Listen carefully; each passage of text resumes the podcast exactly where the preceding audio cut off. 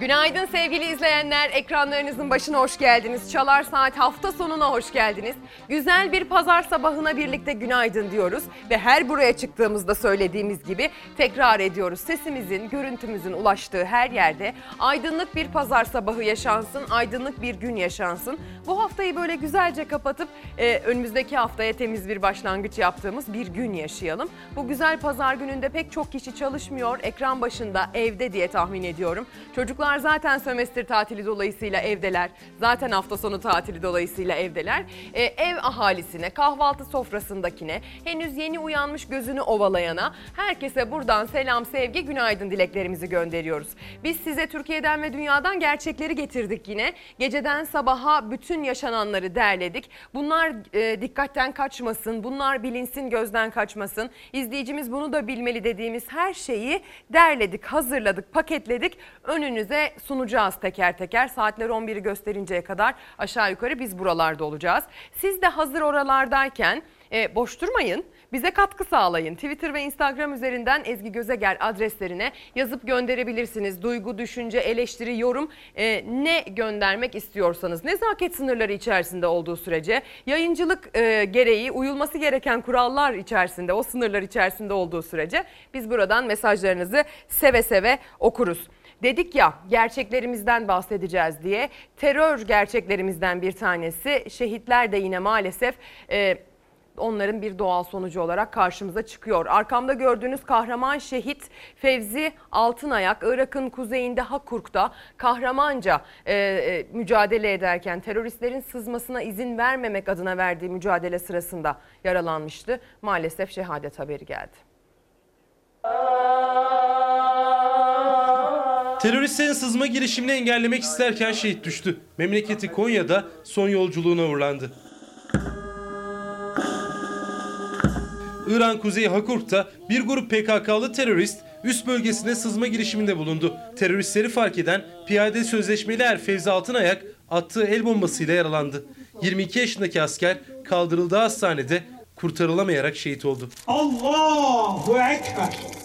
Piyade sözleşmeler Fevzi Altınayak bir yıldır görev yapıyordu. Bekardı. Şehit için Van'da askeri tören yapıldı. Silah arkadaşlarının da katıldığı törenin ardından baba ocağı Konya'ya uğurlandı. Silah arkadaşlarına sabrı cemil ihsan eyle ya Rabbi. Piyade sözleşmeler Fevzi Altınayak Konya'nın Ilgın ilçesinde gözyaşları içinde toprağa verildi. Sevgili izleyenler Twitter ve Instagram üzerinden yazıp gönderdiklerinizi özellikle Instagram'da son fotoğrafın altında buluşarak e, değerlendiriyoruz biliyorsunuz ki. Daha ben o son fotoğrafı paylaşmadan siz e, başsağlığı dilekleri, Allah rahmet eylesin dileklerini göndermeye başladınız zaten. Biz de bir kez daha şehitimiz için Allah'tan rahmet dileyelim. E, ailesine, yakınlarına, sevenlerine, tüm Türkiye'ye başsağlığı dileklerimizi iletelim. Ve hiç bıkmadan, usanmadan tekrar ettiğimiz o temenniyi tekrar edelim, söyleyelim. Yine artık e, bu son şehit olsun diyelim sevgili izleyenler. Ve isterseniz e, gündemin en önemli ve en çok konuşulan konularıyla e, devam edelim. Biliyorsunuz bir İdlib krizimiz var. Aslında İdlib'de yaşanan bir katliam, bir acı var. Ee, ancak bunun Türkiye'ye bir takım faturaları olacak. Çünkü sınıra doğru yaklaşan bir göç krizi var sevgili izleyenler. Bir göç dalgası var ve bu göç dalgasının yaklaşık 1 milyonu bulacağı e, söyleniyor. Yani 1 milyon göçmenin İdlib'den buraya gelme potansiyelinin olduğuna dikkat çekiliyor. Bugün Cumhuriyet Gazetesi'nin ilk sayfasında manşetten değil ama en büyük olacak şekilde bir haber verilmiş konuyla ilgili bitmeyen dram başlığı atılmış habere. Rusya destekli Şam yönetiminin büyük bölümü cihatçıların elinde olan İdlib'e yönelik operasyonu sürerken Türkiye sınırına yakın kamplara kaçan siviller zorlu kış koşullarında yaşam savaşı veriyor diyor Cumhuriyet. Cihatçı militanların etkinliğini sürdürdüğü Somali'de Türk müteahhitlik şirketinin şantiye konteynerine bomba yüklü araçla saldırı düzenlediğinden de aynı fotoğrafın altında bahsedilmiş. İlerleyen dakikalarda bu haberi de size aktaracağız ama öncesinde bu İdlib meselesine gerek siyasilerin konuyla ilgili e, görüşleri gerekse sınırda yaşanan bu sefaletle e, hepsine birden bir topyekun bakalım.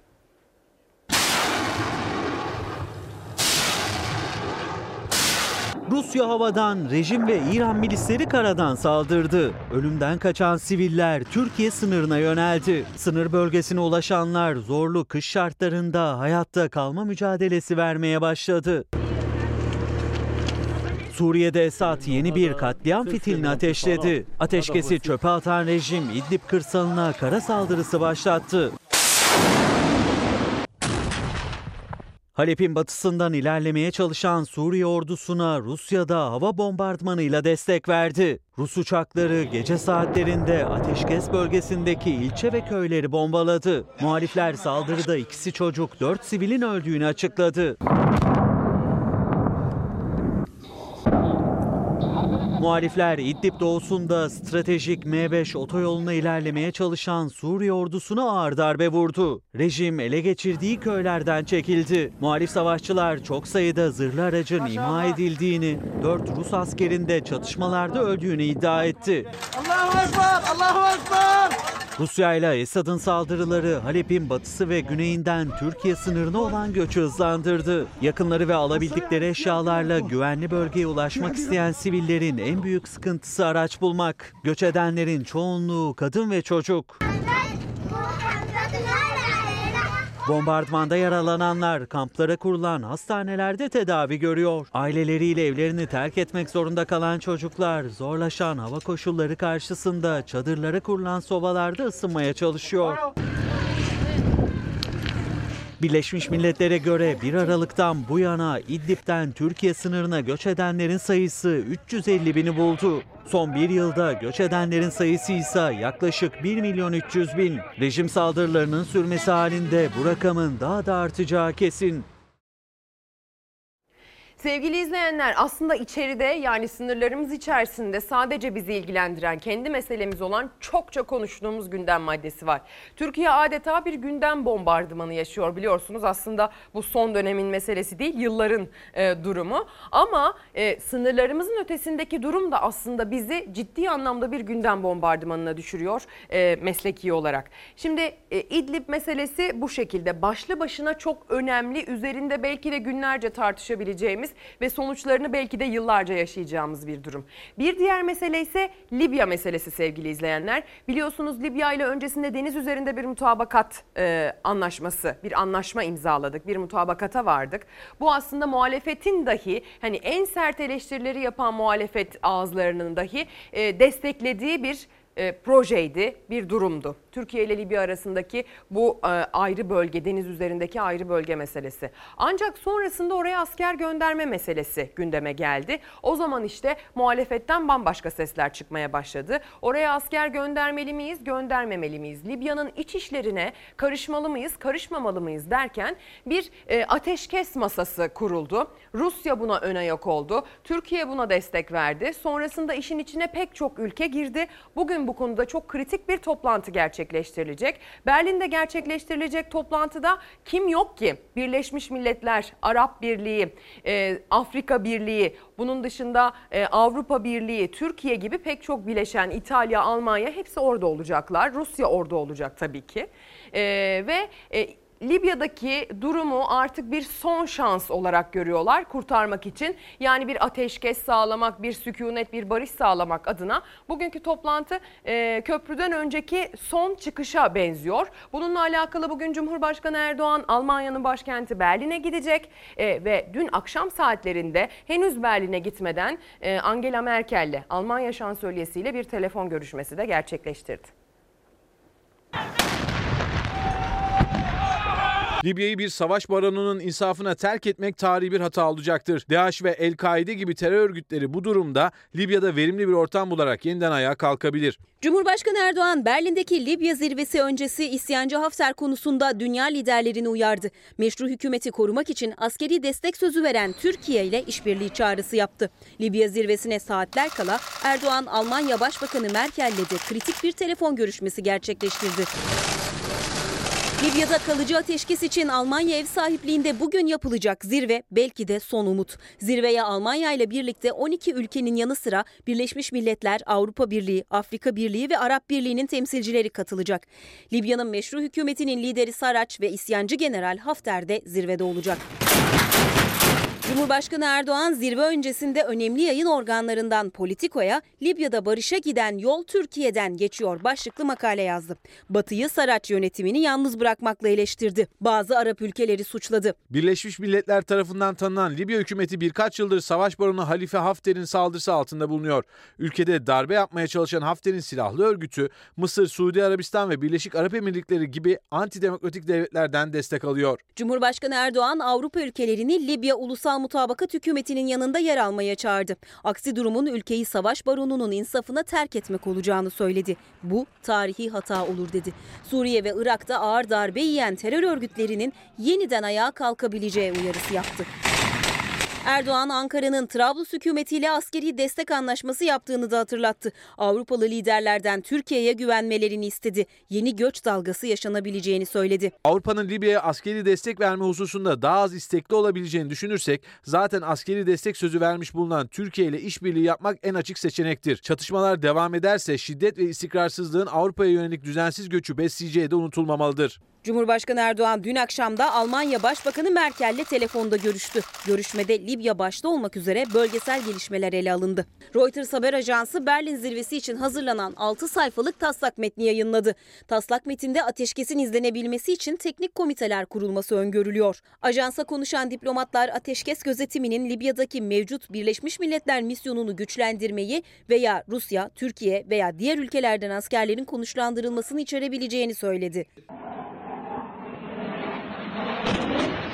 Bu arada isyancı generalden krizi derinleştirecek de bir adım geldi. Hafter'in çağrısıyla onu destekleyenler petrol sahalarını ve limanlarını kapattı. Libya'nın petrol ihracatını tamamen durdurdu. Sevgili izleyenler tabii ki bu Libya meselesi sadece sizin bizim gündemimizde değil dünyanın gündeminde olan bir konu. Ee, Amerika bu konuda şimdilik yeterince ilgili görünmüyor ama biliyoruz ki e, İstanbul'da Hafter'le Amerikan Büyükelçisi bir araya geldi. Yani Amerika neden ses vermiyor? Saraj'la çok affedersiniz Hafter'le değil Rusya dönüşü Saraj'la bir araya geldi. Tam da bizim acaba bunlar bu konuda ilgili değiller mi? Acaba buraya bir barış harekatı bir barış getirmeyecek mi diye düşünürken herhalde yeterli menfaatleri yok buradan bunların derken görüştüklerini anladık. Yani her ne kadar çok etkin bir varlık göstermese de Amerika'da aslında bir miktar konunun içinde. Bunun da hemen bilgisini dipnot olarak size vermiş olalım. E, hal böyle olunca bu dünyanın konuştuğu bir mesele olunca bir de bizim askerlerimizi oraya göndermek gibi çok hassas bir durum işin içine girince tabii ki bu Türkiye'de de muhalefetin e, pek çok siyasi liderinde ana gündem maddelerinden biri haline geliyor haliyle sevgili izleyenler. Dün itibariyle Cumhurbaşkanı Erdoğan Kemal Kılıçdaroğlu'na, Kemal Kılıçdaroğlu da konuyla ilgili Cumhurbaşkanı Erdoğan'a yüklendi. E, isterseniz e, siyasetçilerin gündemi nasıl değerlendirdiğine bakalım Libya konusunda. Libya ile yaptığımız anlaşma sayesinde tüm dünyayı şaşırtan ve hayran bırakan bir denklem kurduk. Bay Kemal bunu görmedin mi? Bundan haberin yok mu?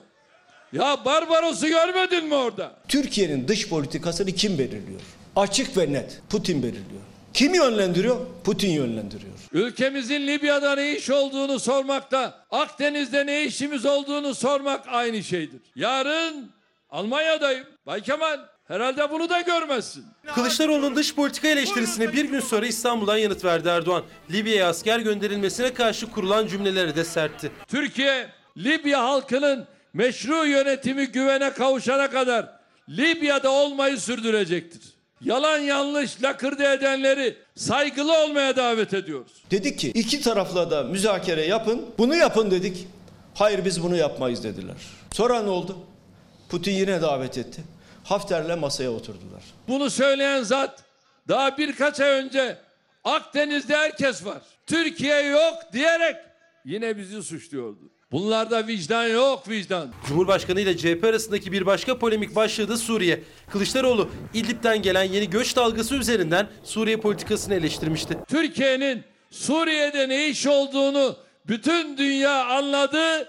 Bir tek bizim muhalefet partisi yöneticileri anlayamadı. 3 milyon 600 bin Suriyeli yetmedi. Şimdi 1 milyon yeni İdlibli kardeşlerimiz gelecek. 3 yaşında, 5 yaşında, 7 yaşında ayakları çırılçıplak olan yavruların İdlib'deki halini görmüyor musun Bay Kemal?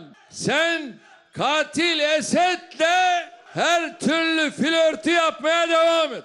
Daha önce Suriye'den kaçıp Türkiye'ye gelenler evi barkı olan, çoluk çocuğu olan insanlar kaçtılar ve geldiler. Ama İdlib'den gelecek olanların tamamı eli kanlı olan insanlardır. Terör örgütün üyeleridir bunlar dedi. O bölgede yaşayan, bütün bunlara tanık olan birisinin anlattığıdır bu. Türkiye'deki teröristlerle dayanışma içerisinde olanın, oradaki baskılarla Türkiye'ye göç etmek mecburiyetinde kalan çoluk çocuğu terörist ilan etmek çok ayıp bir şey. Kınıyorum. CHP liderinin İdlib'deki teröristlerin de göç dalgasıyla Türkiye'ye girebileceği endişesine Bahçeli de böyle ses yükseltti.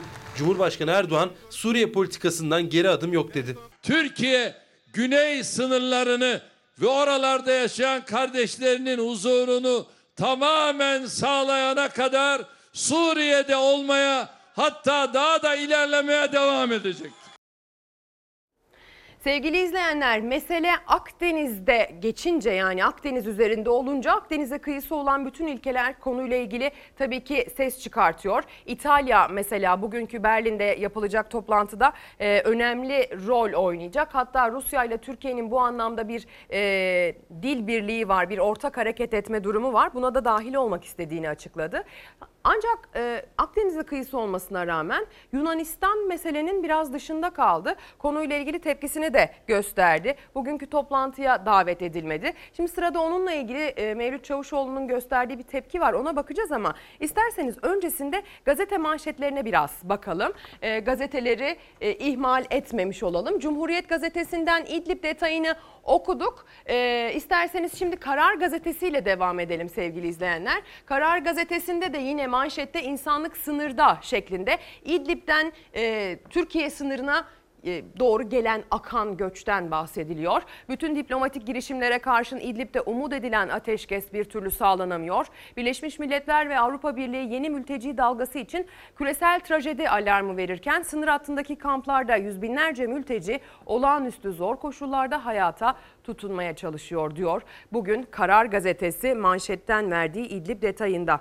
Soğuk havalardan bahsedeceğiz. Karar Gazetesi'nde küçük bir detay şeklinde olsa da göl donduran soğuklar şeklinde havanın durumuna da dikkat çekilmiş. 2019'un mevsim normallerinin üzerinde sıcaklıklarla kapanması Türkiye'ye kar ve kapandı ama Türkiye kar ve kışına kavuştu diyor karar.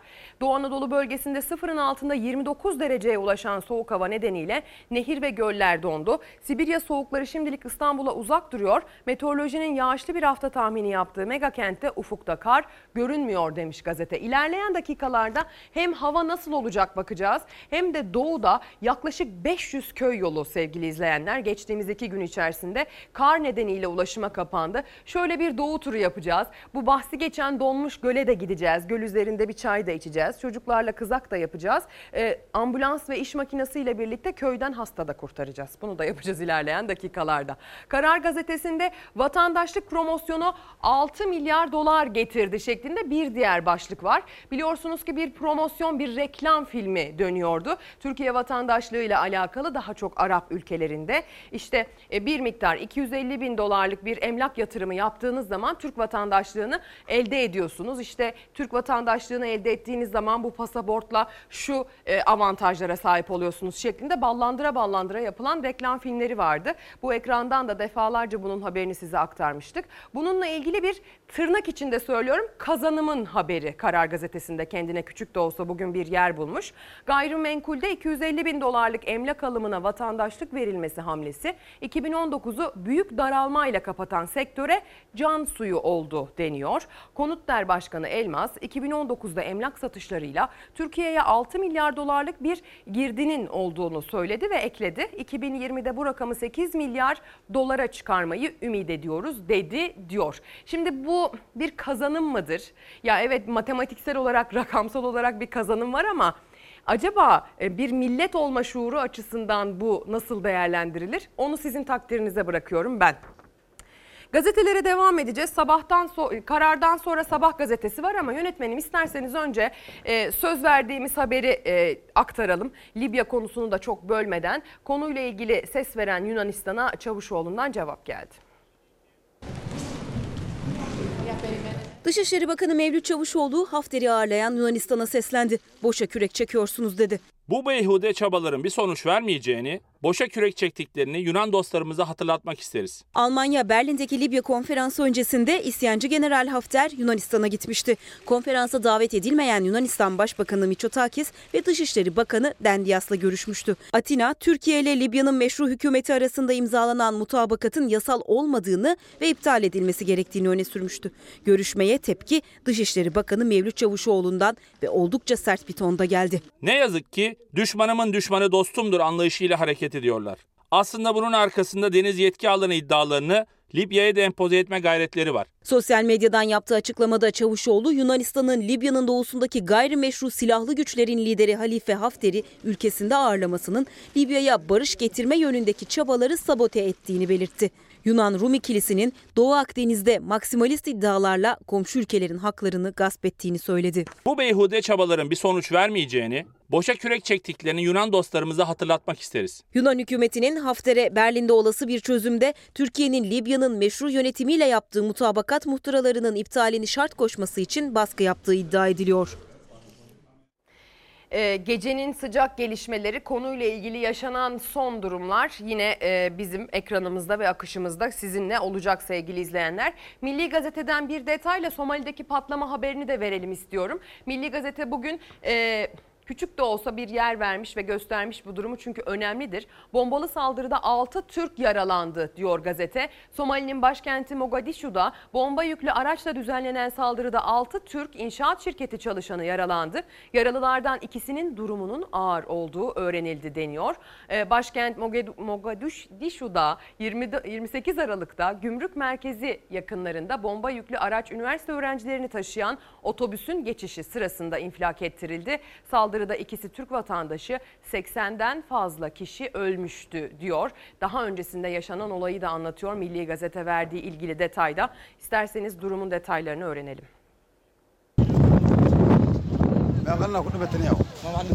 Somali'nin başkenti Mogadishu'da bomba yüklü bir araçla saldırı düzenlendi. 3 kişi hayatını kaybetti, 20 kişi yaralandı. Yaralananlar arasında 6 Türk vatandaşı var.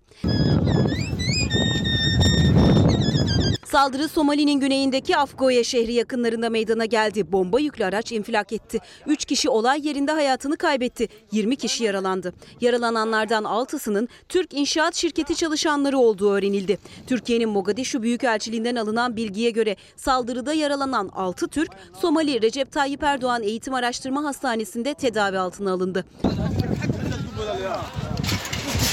Başkent Mogadishu'da 28 Aralık'ta da bir bomba yüklü araç üniversite öğrencilerini taşıyan otobüsün geçişi sırasında infilak ettirilmiş. Saldırıda ikisi Türk vatandaşı 80'den fazla kişi hayatını kaybetmişti.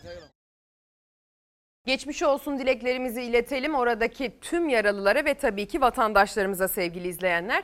Bir de e, Lübnan'a doğru gitmeliyiz. Hazır madem sınırlarımızın dışında haberler aktarıyoruz. Sınırlarımızın ötesinden Lübnan'dan Beyrut'tan bir eylemin haberi geldi. Ekonomik kriz eylemi.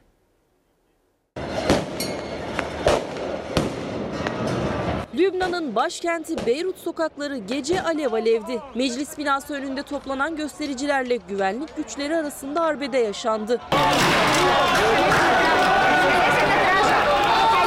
Lübnan'ın pek çok kentinde bugün bedel ödemeyeceğiz sloganlarıyla yürüyüş düzenlendi. Beyrut'taki çok sayıda gösterici ülkenin içinde bulunduğu ekonomik ve siyasi durumu protesto etmek için meclis binası önünde toplandı. Yargının bağımsızlığı, yolsuzluk yapanların yargılanması ve teknokrat hükümetinin kurulması yönünde sloganlar atan göstericilerle güvenlik güçleri arasında arbede çıktı. Lübnan iç savaştan bu yana en kötü ekonomik krizi yaşıyor. Ekim'den bu yana 160 bin kişi işini kaybetti. Lübnan'daki ticari bankalar sermayenin çıkışına karşı sert kararlar alarak yurt dışı havalelerini askıya aldı ve müşterilerinin hesaplarındaki dövizleri çekmelerine kısıtlamalar getirdi. Sevgili izleyenler mesajlarınız geliyor. Hem Instagram'dan hem Twitter'dan gelen mesajlarınıza bakıyoruz. Ee, çokça mesaj geldiği için onları da aradan seçmek gerekiyor açıkçası. Yayında okumaya uygun olanlara şöyle önceden bir göz atabilmek gerekiyor. Her ne kadar buna çoğu zaman fırsat bulamasak da çokça günaydın mesajı var. Feruzan Yıldırır e, ekran başında günaydın dileklerini göndermiş. Kadir Kaya Olimpos sabahından güzel bir günaydın selamı çakmış bize. Teşekkürler Kadir abimize. E, Aysel Yavuz yine ekran başından günaydın diyen izleyicilerimizden. Bir izleyicimiz İzmir Tire'den Varal Taşkın adıyla bir e, mesaj gönderiyor. Dağdere köyünden buradan Tire'ye Dağdere köyüne de selamlarımızı gönderelim. Fersan Kurt yine ekran başında olan izleyicilerimizden. Çok çok e, selamlarınızı aldık. Biz de çok çok selam ve sohbetle sizi selamlıyoruz. E, Türkiye'nin pek çok yerinden izlendiğimizi gönderdiğiniz mesajlardan anlıyoruz. Siz yazın. E, ben mesajlarınızı muhakkak değerlendireceğim, okuyacağım ama öncesinde bugün bir anma yapmamız gerekiyor. Cumhuriyet Gazetesi de buna ilk sayfasından yer vermiş. Hrant Dink ve hafıza başlığıyla.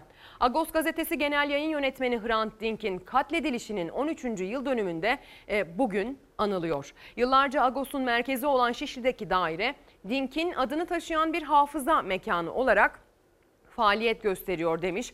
Cumhuriyet Gazetesi'nde bugün bu detaya küçük de olsa yer verilmiş. Biliyorsunuz Hrant Dink cinayeti Türkiye'de aslında bizim zenginliğimiz olan e, farklılıklarımıza tahammülsüzlüğümüzün bir sonucudur. E, o tırnak içinde söylüyorum. O tahammülsüzlük nefrete dönüştüğü noktada cereyan eden maalesef hiç istemediğimiz bir durumdur. Gazetecilerin aslında ne kadar zor şartlarda görev yaptığını ortaya koyan bir durumdur. İfade özgürlüğüne aslına bakarsanız sıkılmış bir kurşundur. Dolayısıyla biz de onu saygı ve sevgiyle anıyoruz. Cumhuriyet Gazetesi'nden bir diğer detayla devam edeceğiz. Dün biliyorsunuz üzülerek bu detayı aktarmıştık. Evvelsi gün akşam saatlerinde Rahşan Ecevit'i kaybettik. Bugün cenazesi var. Rahşan Ecevit uğurlanıyor. Ecevit'in ruh ikiziydi başlığıyla Cumhuriyet Gazetesi ilk sayfadan konuya yer veriyor. Siyasetçi ve sanatçı Rahşan Ecevit bugün son yolculuğuna uğurlanacak. O Türk siyasi tarihinde ismi en çok konuşulan lider eşiydi. Siyaset alanında da tek amacı eşi Bülent Ecevit'i korumak ve kollamak oldu diyor. Rahşan Ecevit vasiyeti doğrultusunda Bülent Ecevit'in yanında toprağa verilecek bugün. Hadi gelin isterseniz e, konuyla ilgili haberimizi izleyelim. Rahşan'a adadığım bir şiir. Birlikte öğrendik seninle avcumuzda yüreği çarpan kuşa sevgiyi.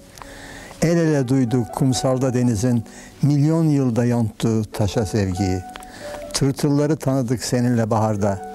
Tırtılken daha sevmeyi öğrendik sevgiden üreyen kelebeği. Eski başbakanlardan Bülent Ecevit'in eşi ve Demokratik Sol Parti'nin kurucu genel başkanı Rahşan Ecevit, Karaoğlan'ın uğruna şiirler yazdığı Beyaz Güvercin 97 yaşında hayata veda etti. Tek bir vasiyeti vardı, eşinin yanına gömülmek. Dün meclis kararıyla Rahşan Ecevit'in devlet mezarlığına defnedilmesine karar verildi. Son noktada toprakta da birlikte yatmayı çok arzu ederlerdi. Ee, Biz de Sayın Cumhurbaşkanımıza e, Rahşan Ecevit'in de bu son arzusunu ilettik. Ee, Aynı yerde yatabilmeleri için gerekli olan yasal prosedürün işletilmesi konusunda kendilerinden bu konuda önemli destek bekliyoruz. Rahşan ve Bülent Ecevit, Türkiye'nin sert siyaset ikliminde sevgiyi konuşulur kılan siyasetçiler.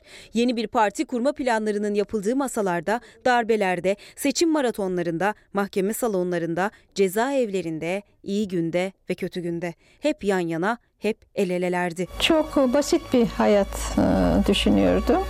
1946'da kesişen yolları 5 Kasım 2006'da Bülent Ecevit'in vefatıyla ayrılmıştı ilk kez. 60 yıllık hayat arkadaşı, yol arkadaşından 14 yıl sonra Rahşan Ecevit de tedavi gördüğü hastanede hayatını kaybetti.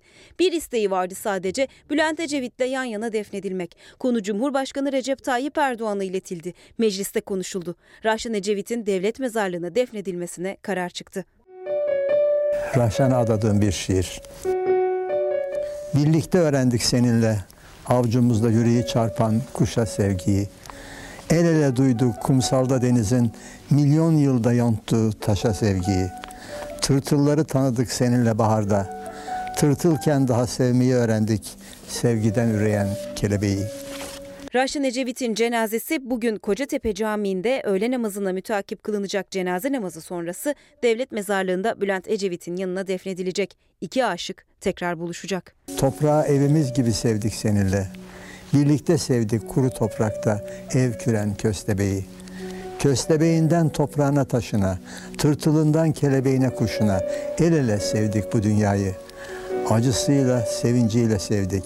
Yazıyla, kışıyla sevdik. Köy köy, ülke ülke. Gökler gibi sardı dünyayı, yağmur gibi sızdı dünyaya. Dünya kadar oldu sevgimiz.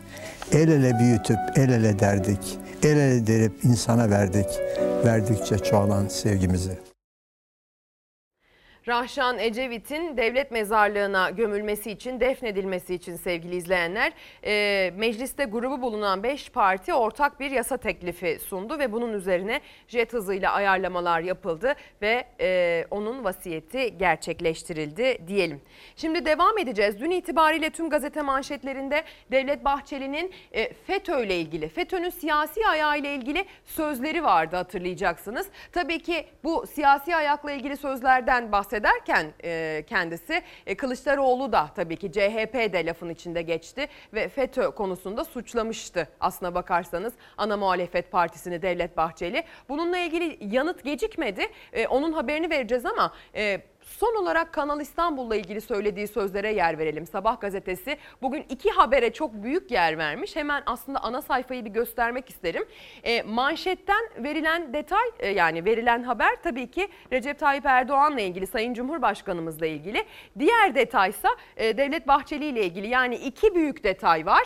E, İlki Cumhurbaşkanı Erdoğan, ikincisi Devlet Bahçeli şeklinde. Yani hangi kalem, hangi e, tarafa, hangi ideolojiye daha yakın ya da hangi ideolojiye yakın kalemler hangi haberleri ne kadar büyük ve etkin değerlendiriyorlar. Bu da aslında bir medya okuryazarlığı dersi gibi gibi tabii ki haddimize değil.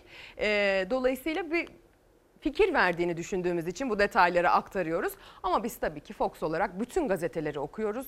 Hangi kaleme yakınmış, hangi kalem hangi ideolojiye yakınmış çok önemli değil. Bizim için sadece haber değeri olması yeterli. CHP kendisini Kanal İstanbul'a atsın diyor. E, manşetten yani başlıktan Sabah gazetesinin editörleri MHP lideri Bahçeli'nin sözlerini başlığa taşımış. Lider Bahçeli Kılıçdaroğlu'nun Türkiye'ye göç mecburiyetinde kalan çoluk çocuğu terörist ilan etmesi etmesi çok ayıp demiş ve sözlere aynen aktarılmış. Türkiye'yi dışarıdan yenemeyenler içeriden çözmeyi deniyor. Kirli aracıları da belli. FETÖ, PKK, DAEŞ, kiralık tetikçiler, etnik ve mezhep fesadı, zillete düşmüş siyasi partiler. CHP bunların kontrolünde. HDP'de terör aparatı. Bunlar gitsin terörist Demirtaş'ın kanlı tiyatrosunu izlesinler. CHP ile birlikte kendilerini Kanal İstanbul'a atsınlar diyor. Konu bir şekilde Kanal İstanbul'a gelmiş maalesef o gündemden kaçamıyoruz. Birazdan konuyla ilgili haberleri de vereceğiz ama Kılıçdaroğlu'nun Devlet Bahçeli'ye yönelik cevabını izleyelim öncesinde. Yurtta Sulh Konseyi'ni incelerseniz onun askeri kanadının dışındaki sivil unsurların kimler olduğunu merak ediyorsanız siyasi ayağı da bulmuş olursunuz. Siz samimiyseniz gerçekten FETÖ'yü bir terör örgütü olarak görüyorsanız hem AKP hem MHP birlikte bu araştırma önergesini verin ve bir an önce biz bunu açığa çıkartalım diyoruz. FETÖ'nün siyasi ayağı için sözde yurtta sulh konseyini inceleyin dedi Devlet Bahçeli. CHP ise bir kez daha meclis araştırma önergelerine destek vermeyen MHP seslendi. Siyasi ayağı araştırma önergesini siz getirin diyerek. Siyaset kendi içindeki pisliği ilk önce temizlemek zorundadır. CHP sapıtsa da Türkiye'nin kuyusunu kazmak için çabalasa da Cumhur İttifakı olarak izin vermeyeceğiz. Fethullah terör örgütünün nüfuz ettiği, ele geçirdiği bir siyasi teşekkül arıyorsak önce herkes AK Parti'ye bakacak. Sayın Bahçeli ipe un sermektedir. MHP lideri FETÖ'nün siyasi ayağıyla mücadelede zaaf var dedi ama CHP ve İyi Parti'nin araştırma önergelerine de destek vermeyeceğini belirtti. Kılıçdaroğlu hakkında rapor hazırlattığını da söyledi Bahçeli. CHP liderini PKK'ya FETÖ'ye destek vermekle suçlarken raporu da savcıya vereceğiz dedi. Dışarıdan gelip yenemeyenler içeriden çözmeyi deniyorlar. FETÖ, PKK, DAEŞ, kiralık tetikçiler işbirlikçi yöneticiler işte bunlardan bazılarıdır. CHP bunların kontrolündedir. CHP'li FETÖ'cüler varsa Sayın Bahçeli CHP'ye sızmış lütfen çağrı yapıyorum. İsimlerini bize bildirsin, tetkik edelim. Biz hadi güle güle demeyiz. Biz kulaklarından tutup savcıya teslim ederiz. Ya ben buna akıl erdiremem. Sayın Kılıçdaroğlu'nu FETÖ'cülükle itham etmek gibi bir garabet olmaz. MHP lideri Bahçeli'nin Kılıçdaroğlu hakkında teröre destek iddiasıyla hazırlattığı rapora Saadet Partisi lideri de tepki gösterdi. Konya Akşehir MHP ilçe başkanı da CHP lideri hakkında suç duyurusunda bulundu. Kılıçdaroğlu'nun MHP liderine vereceği yanıt merak ediliyor. Sevgili izleyenler siyaset FETÖ konusundaki tartışmayı bir türlü e, rafa kaldıramıyor. Çünkü FETÖ'nün siyasi ayağı bir türlü ortaya çıkmıyor. Şimdi Yeni Çağ gazetesinden az evvel dedik ya konu bir şekilde hep kanala bağlanıyor diye. Kanal İstanbul meselesine bir bakalım. Bu kanal 316 bin kişiyi yutacak manşetiyle Yeni Çağ gazetesi neredeyse sayfasının tamamını bu konuya ayırmış bugün. İyi Parti'nin düzenlediği Kanal İstanbul'la ilgili panelde konuşan İstanbul Büyükşehir Belediye Başkanı Ekrem İmamoğlu projenin 6 ilçedeki 19 mahallede vereceği tahribata böyle dikkat çekti diyor. 316 bin kişiyi yutacak detayıyla alakalı. Projeye isyan ettiğini vurgulayan İmamoğlu bu iş kapalı kapılar ardında ve bir proje ofisi tarafından yapılamaz. Kamuoyuna açık yapılır. Hukuki haklarımızı sonuna kadar kullanmalıyız. Bölgedeki ilçe ve mahallelerde yaşayan 316 bin kişi yerinden edilecek. Asıl kıyamet burada kopacak dedi. İmamoğlu şehrin su kaynakları Terkos, Sazlıdere, Küçükçekmece gölleri ve 850 bin metrekarelik sit alanı yok olacak. 14 milyon metrekarelik arkeolojik sit, e, arkeolojik karma sit kaybolacak. Binlerce yıldır var olan coğrafyayı yok ediyoruz. Bunun maalesef geri dönüşü de yok diye konuştu diyor. Marmara'yı öldürmeyin şeklinde bir etiketle Sümeyra Kırcan'ın haberi bugün manşetten verilmiş. Panele İyi Parti Genel Başkanı Meral Akşener, İBB Başkanı İmamoğlu, Hacettepe Üniversitesi Çevre Mühendisliği Bölümü öğretim üyesi Profesör Doktor Cemal Saydan ve emekli büyükelçi Faruk Loğlu katıldı. Moderatörlüğü de İyi Parti İstanbul Milletvekili Ahat Andican yaptı deniyor o fotoğrafın altında verilen bilgide. Gelin isterseniz e, o panele gidelim biz de. Kim ne demiş konuyla ilgili e, kendi kulağımızla duyalım. Bir Kanal İstanbul tartışması yaşanıyor. Bugün de bir toplantı yapmışlar. Hani bunların bir millet ittifakı var ya. Millet midir, zillet midir ayrı bir konu. E, tabii ki çalıştaylar yapacağız. Tabii ki bu konuyu tartışacağız. Bizim açımızdan ortada tartışılacak bir şey yok. Cumhurbaşkanı Erdoğan'ın sözüne ettiği o toplantıdan yanıt verdi Ekrem İmamoğlu. Erdoğan bir kez daha kararlılığını dile getirirken İmamoğlu İyi Parti'nin Kanal İstanbul toplantısındaydı. Kör düşmanlık yapanlara rağmen bu abide eseri ülkemize kazandıracağız. Bir durun bakalım ne oluyor, ne yapıyorsunuz? Kanal İstanbul'a asla mecbur değiliz. İlk Kanal İstanbul çalıştayında ev sahibi İstanbul Büyükşehir Belediyesi'ydi. Ekrem İmamoğlu ve Meral Akşener bir kez daha Kanal İstanbul çalıştayı için bir arada. Bu kez ev sahibi İyi Parti. Neden bunu yapmak istiyorsunuz dediğinizde alacağınız tek bir cevap var. O da belli çevrelere sağlamak istenen rant. Kanal İstanbul'u yapmakta geç bile kaldık. Dehşete düşmemek elde değil. Bunların çapı böyle dev projeleri anlamaya yetmiyor. Cumhurbaşkanı Erdoğan 2011 yılından bu yana projeyi anlattıklarını söyledi. İstanbul Büyükşehir Belediye Başkanı Ekrem İmamoğlu ise 9 yıl önce anlatılan projeyle 92.468 itiraz dilekçesine rağmen kabul edilen bugünkü ÇED raporunun farklı olduğunu savundu. 2011 seçimlerinde milletimizin takdirine sunduk. Bu proje o proje değil. Milletimiz seçimlerde ezici bir çoğunlukla bu projeye sahip çıktığını gösterdi. Erdoğan 2011 genel seçimlerinde halkın oylarını aldıklarını söyledi. Ekrem İmamoğlu'ndan itiraz geldi. İmamoğlu asıl kırılma noktasının 2011'de değil 2019 yerel seçimleri olduğunu ileri sürdü. İyi Parti liderinin sözlerini hatırlatarak. Sebebi sensin başkan. Kazanmasaydın olmayacaktı. Sayın Meral Akşener hanımefendi suçlusu sensin deyince düşünmeye başladım. Evet galiba 2019 seçimleri biraz bu işin tetikleyicisi oldu. İyi Parti'nin Kanal İstanbul panelinde konuşmayı tercih etmedi Meral Akşener. Projenin maliyetinin açıklananın üstünde olacağını söyleyen İmamoğlu ise sözlerini Erdoğan'a yaptığı çağrıyla sonlandırdı. Vatandaşa onların tarifiyle 100 katrilyon daha ek bir yük. birilerinin söylediği gibi 125 milyar lira değil. Şu an itibariyle 75 milyar lira olarak hesaplanıyor. Bu eski şehre geri dönüşü olmayan bir ihanete kalkışmayın. Konuyla ilgili binlerce dilekçe verildi. Vatandaş da aslına bakarsanız e, itiraz etti o dilekçeler aracılığıyla. Kamuoyunda mikrofon uzattığımız zaman yolda sokakta kimsenin istediği bir proje gibi görünmüyor aslında Kanal İstanbul bakıldığında ama inatla bu projenin yapılacağını söylüyor e, Cumhurbaşkanı Recep Tayyip Erdoğan sevgili izleyenler. Bu konu aslında bence gereğinden fazla e, enerjimizi tüketen bir konuya dönüştü. Neden olduğu aslına bakarsanız ne kadar gerekli olduğu konusundaki kafadaki soru işaretlerini adeta gözümle görebiliyorum. Kimsenin tam olarak ikna olduğunu düşünmüyorum ve evet ben yaptım oldu şeklinde ilerlememesi gerektiğini düşünüyorum ben de şahsen. İstanbul'da Avrupa yakasında yaşayan birisi olarak yaşadığım e, bölgenin bir adaya dönüşmesi fikri benim hiç hoşuma gitmiyor. Yani biz bir deprem bölgesinde yaşıyoruz. Her an büyük İstanbul depremi mi geliyor acaba diye her sarsıntının devamını bekliyoruz dört gözle ya da korkuyla. E, hal böyle olunca bir ada şeklinde e, Anadolu yakası, Avrupa yakası e, bir ada şeklinde ortaya çıkacak proje gerçekleşirse eğer ve bu fikir benim için dün de söylemiştim çok klostrofobik ve beni çok sıkan bir fikir. Bilmiyorum ne olacağını hep beraber göreceğiz. Hedef 500 bin kişilik yeni bir şehir başlığı var. Yeni Çağ gazetesinde konuyla ilgili bir diğer detay. Cumhurbaşkanı Tayyip Erdoğan tartışılan Kanal İstanbul çevresinde kentsel dönüşüm alanları olacağını öne sürüp yeni bir tartışma daha başlattı diyor gazetenin editörleri.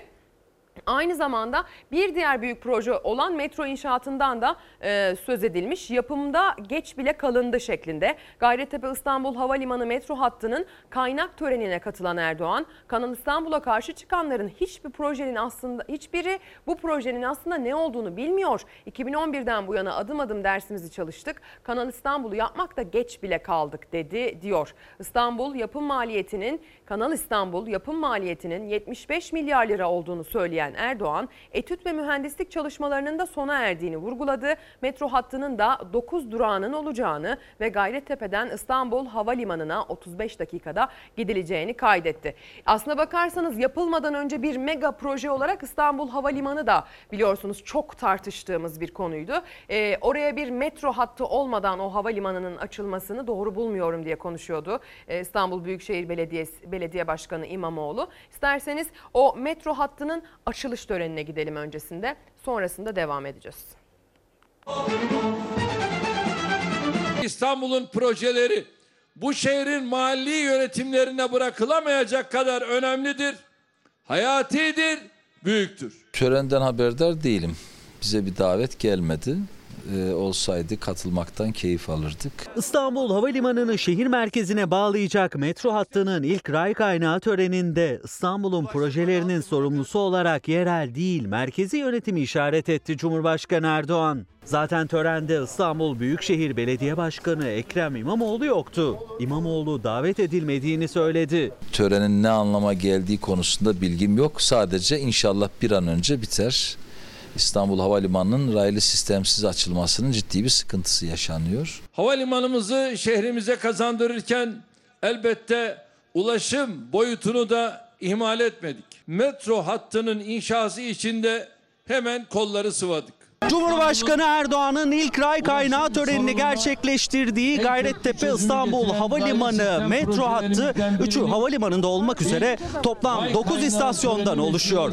37 kilometrelik hat ardından Halkalı etabıyla birleştirilecek ve böylece metro hattı bittiğinde Marmaray ve metrobüsle entegre olacak. 2021'de tamamlanması planlanan metro hattıyla İstanbul'un yeni havalimanına ulaşım 35 dakikaya inecek. Cumhurbaşkanı Erdoğan törende hizmette rekabet vurgusu yaptı. Ekrem İmamoğlu da duran metro hatlarını hatırlattı. Bizim için hizmette rekabet siyasi rekabetten önde gelir.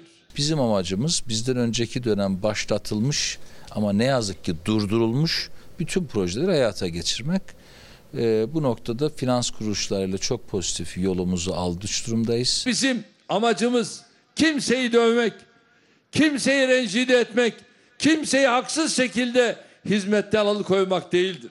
Önümüzdeki bürokratik engelleri de e, Ankara'daki ilgililer kaldırdığı takdirde inşallah e, hızlı bir şekilde İstanbul'un bu duran metronu hayata geçireceğiz. İmamoğlu kredi buldukları halde hazineden onay alamadıkları için bekleyen metro hatları üzerinden mesaj gönderdi. O projeler bittiğinde ise Cumhurbaşkanı Erdoğan'ı da törenlere davet edeceklerini söyledi. Olsun biz bütün törenlerimize davet edeceğiz devlet erkanını. Başta Sayın Cumhurbaşkanı olmak üzere. Bakın biz her ne kadar bu konuları tartışıyor olsak da vatandaşın meselesi başka. Emekli bir mesaj atmış. Fersan Kurt, emekliler gitmiş dernek sendika kurmuşlar. Sanki Türkiye'de sendikayı dernekleri takan var demiş Fersan Kurt mesajında. Ya arkadaş gidin parti kurun. Türkiye'de 12 milyon emekli var. 4 ile çarpsan 48 milyon yapar. Al sana tek başına iktidar. Yoksa ağlamaya devam ederiz diyor. Her ne kadar Kanal İstanbul desek de e, mevzu başka sevgili izleyenler. Şimdi kısa bir ara mevzu başka sonra buradayız.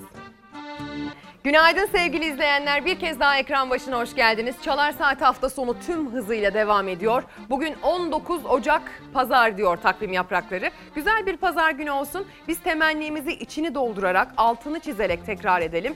Sesimizin, görüntümüzün ulaştığı her yerde aydınlık bir gün yaşansın. Biz Türkiye'den ve dünyadan gerçekleri aktarıyoruz ama böyle sohbet havasında sizin de katıldığınız bir sohbet ortamı yaratmaya gayret ediyoruz. Bu gerçeklerimizi kabul ederek ve baş ederek bunlarla e, güne ümitle bakabilmeyi ümit ediyoruz sevgili izleyenler ve bunu da size aktarmaya gayret ediyoruz diyelim. Gazete manşetlerinden aktaracağımız çokça haberimiz var. Bugün çok çeşitli bir yelpazede gazete manşetlerini özellikle seçmeye çalıştık. Ama tabii ki gecenin sıcakları da akışımızda yerini buluyor. İstanbul Kağıthane'de bir kaza gece saatlerinde gerçekleşti. Sürücüsü direksiyon hakimiyetini kaybetti. Kamyon parkın istinat duvarında asılı kaldı. İstanbul Kağıthane'de Nurtepe Mahallesi Eyüp Sultan Caddesi'nde gece saatlerinde yaşandı kaza. Sürücü Üzeyir T kontrolünden çıkan nakliye kamyonunun direksiyonunu yol kenarındaki parka kırdı. İstinat duvarını aştı. Tepe üstü yere çakıldı.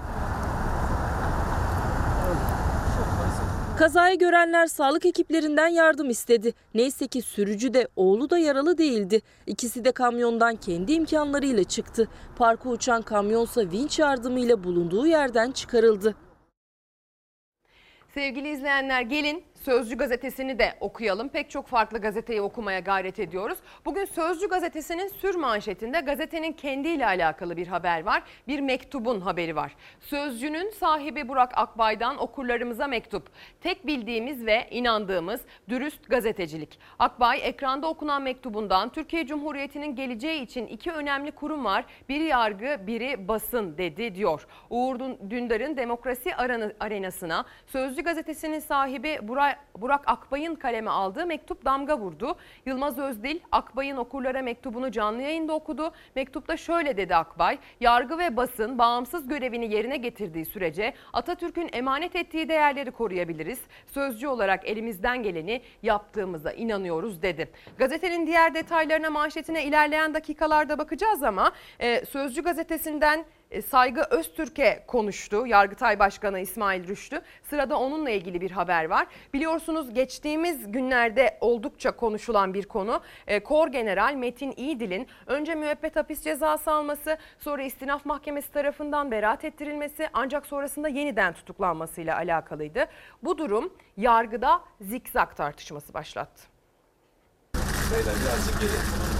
Yargı bu kadar zikzak yapılmasını kabul eder mi? Beraat kararına göre kişi serbest bırakılıyor. Hemen arkasından buna itiraz edilmiş. HSK da 3 hakimi hemen başka illere tayin etmiş. Eski Kor General FETÖ sanığı Metin İyidil tartışmasına Yargıtay Başkanı da katıldı. Aynı davada birbirine zıt kararlar veren mahkemeleri eleştirdi. Dosyada bulunan delillere göre bir taraf ömür boyu ağırlaştırılmış müebbet hapis cezası veriyor, bir tarafsa beraat kararı veriyor. Yargıda aynı konuda bu kadar farklı değerlendirme olabilir mi? Olmaması lazım. Bizim görevimiz objektif delillere göre karar vermektir.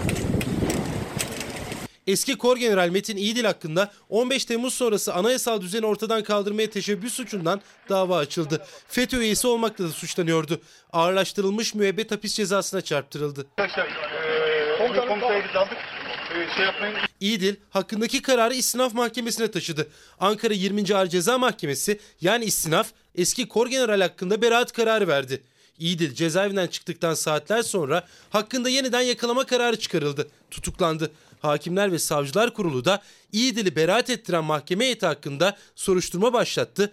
3 ismi başka illere tayin etti. Beraat kararı veren mahkeme başkanı ve üyelerini kararın arkasından görevden alan Hakimler Savcılar Kurulu'nun bu tavrı da yanlış.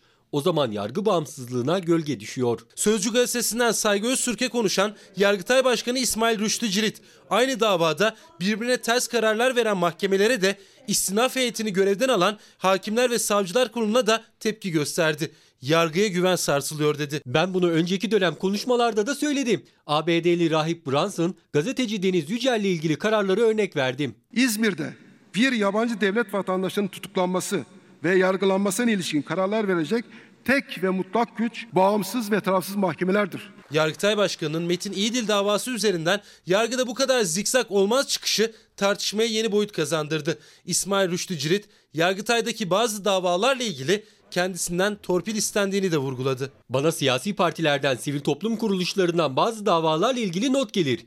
Benim yaptığım tek şey o kağıtları yırtıp çöpe atmaktır. Yargıtay Başkanı'na ulaşan 2019 tarihli bir torpil yazısını da köşesine taşımıştı gazeteci Saygı Öztürk. İsmail Rüştü Cirit o notu da çöpe attığını söyledi. Aynı davada farklı mahkemelerin kararları için bu kadar zikzak olmaz sözü HSK eleştirisi uzun süre gündemde kalacak gibi.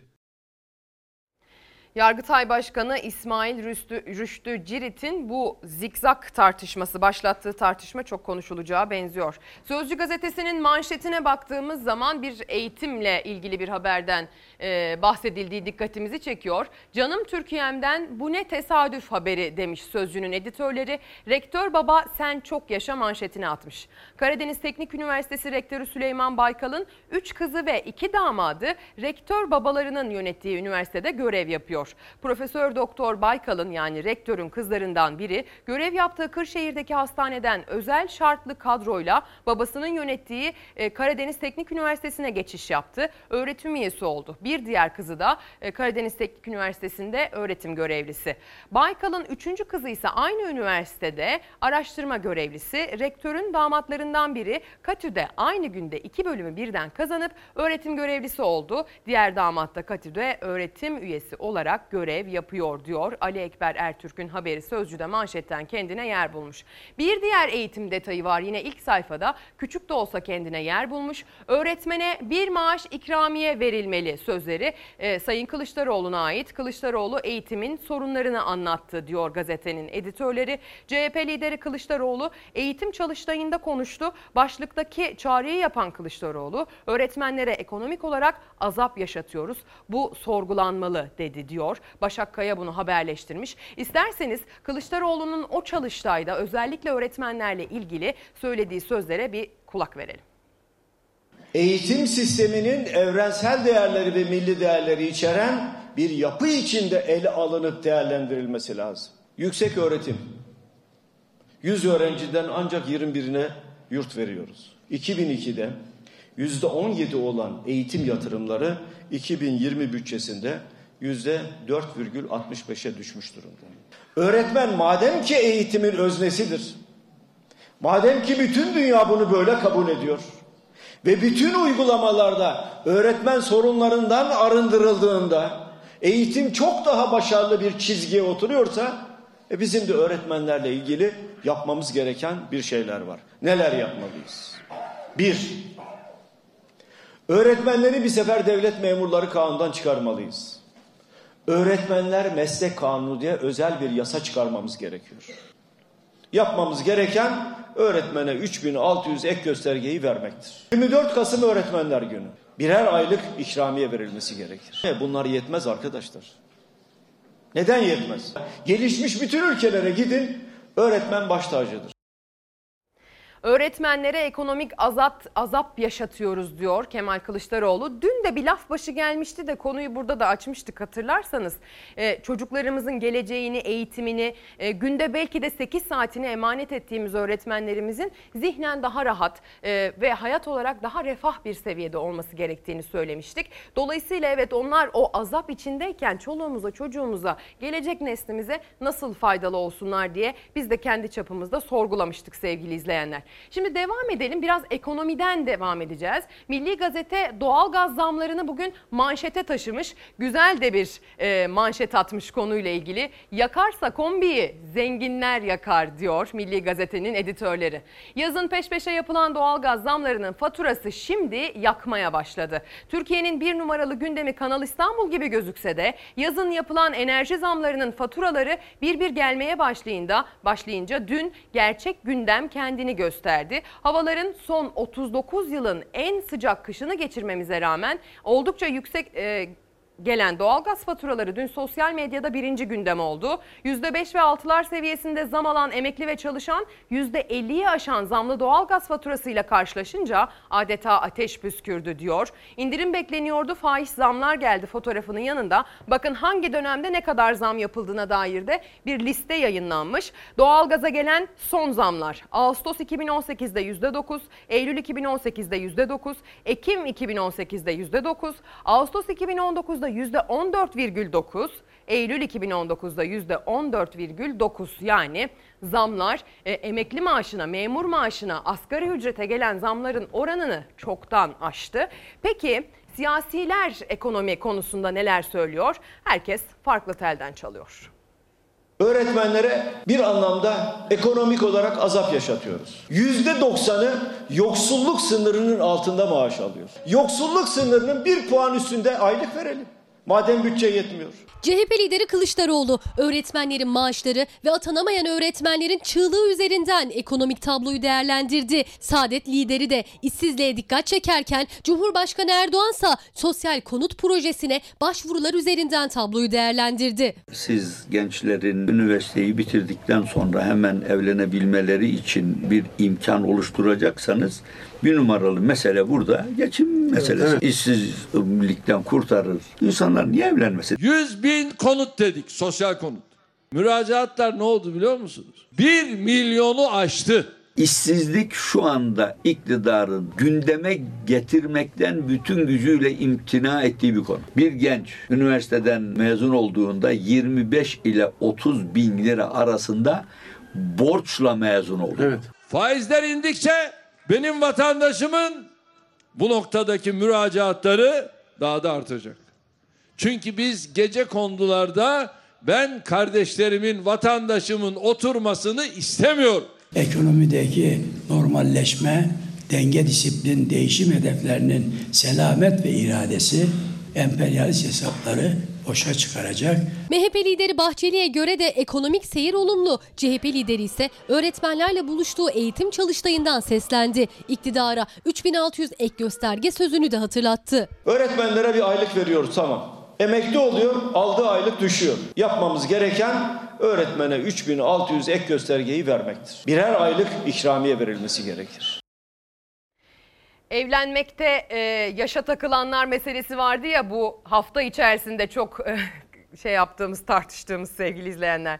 Sinan Sözmen hazır yeri gelmişken bununla ilgili bir şey söylemiş. İşsizliğin, yoksulluğun önüne geçmeden evlilikte yaşa takılanları konuşmamız bile gereksiz diye bir mesajı var Instagram'dan gönderdiği.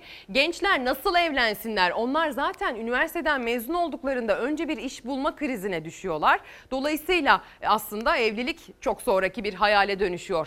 Geçim sıkıntısından mezun olunmuyor manşetini bugün Evrensel Gazetesi atmış. İşçi işsiz, eğitimli eğitimsiz. Ülke gençlerinin ortaklaştığı 3 temel his var. Endişe, kaygı ve stres. Mezun olan iş bulsa da aile desteği olmadan ne kendi hayatını kurabiliyor ne de geçinebiliyor. Ee, İstanbul tarafından 25 gençle yüz yüze görüşülerek yapılan araştırmaya göre işçi işsiz, üniversite öğrencisi ve yüksek eğitimliler güvencesizlik ve e, belirsizlik içinde sevgili izleyenler. Gençler diyor ki hem kendimden hem ülkeden umutsuzum. Ailede bana para verebilir e, yettirmeye çalış denir. İyi de kötü de değilim. Belirsizlik rahatsız ediyor. İş yerimde aşırı baskı var. Huzursuzum. Baştakiler ülkenin değil kendi çıkarını düşünüyor şeklinde gençlerin o araştırma sonucunda söyledikleri de aslına bakarsanız bir liste şeklinde verilmiş bugün Evrensel Gazetesi'nin manşetinde. Şimdi isterseniz hazır işsizlikten konuşmuşken işsizlik fonu meselesini bir masaya yatıralım. Bu fon kimin fonu? İşsizlerin mi fonu yoksa patronların mı fonu? Kim bu fondan kaç ay ya da hangi ölçüde yararlanabiliyor? Bir onu masaya yatırmak lazım. Bu vehamet karşısında açıkçası ben ürktüm. 4,5 milyon neredeyse işsiz ve hiç değişmiyor. İşsizlik fonu işveren fonuna döndü. 4,5 milyon kişiye dayanan işsizlik uzmanları bile ürküten o seviyede takılı kaldı. İşsizlik fonu kısa süreliğine de olsa güvence işsiz kalanlar ama o da işsizden çok patrona gidiyor. İşkur'a göre işsizlik fonundan işsizlere yapılan ödeme işverene yapılan teşviğin yarısından da az. İşsizlik tazminat sistemi Türkiye'nin de Avrupa'nın son derece gerisinde. Çoğunluğu 8 ay alabiliyor, 10 ay alan çok az.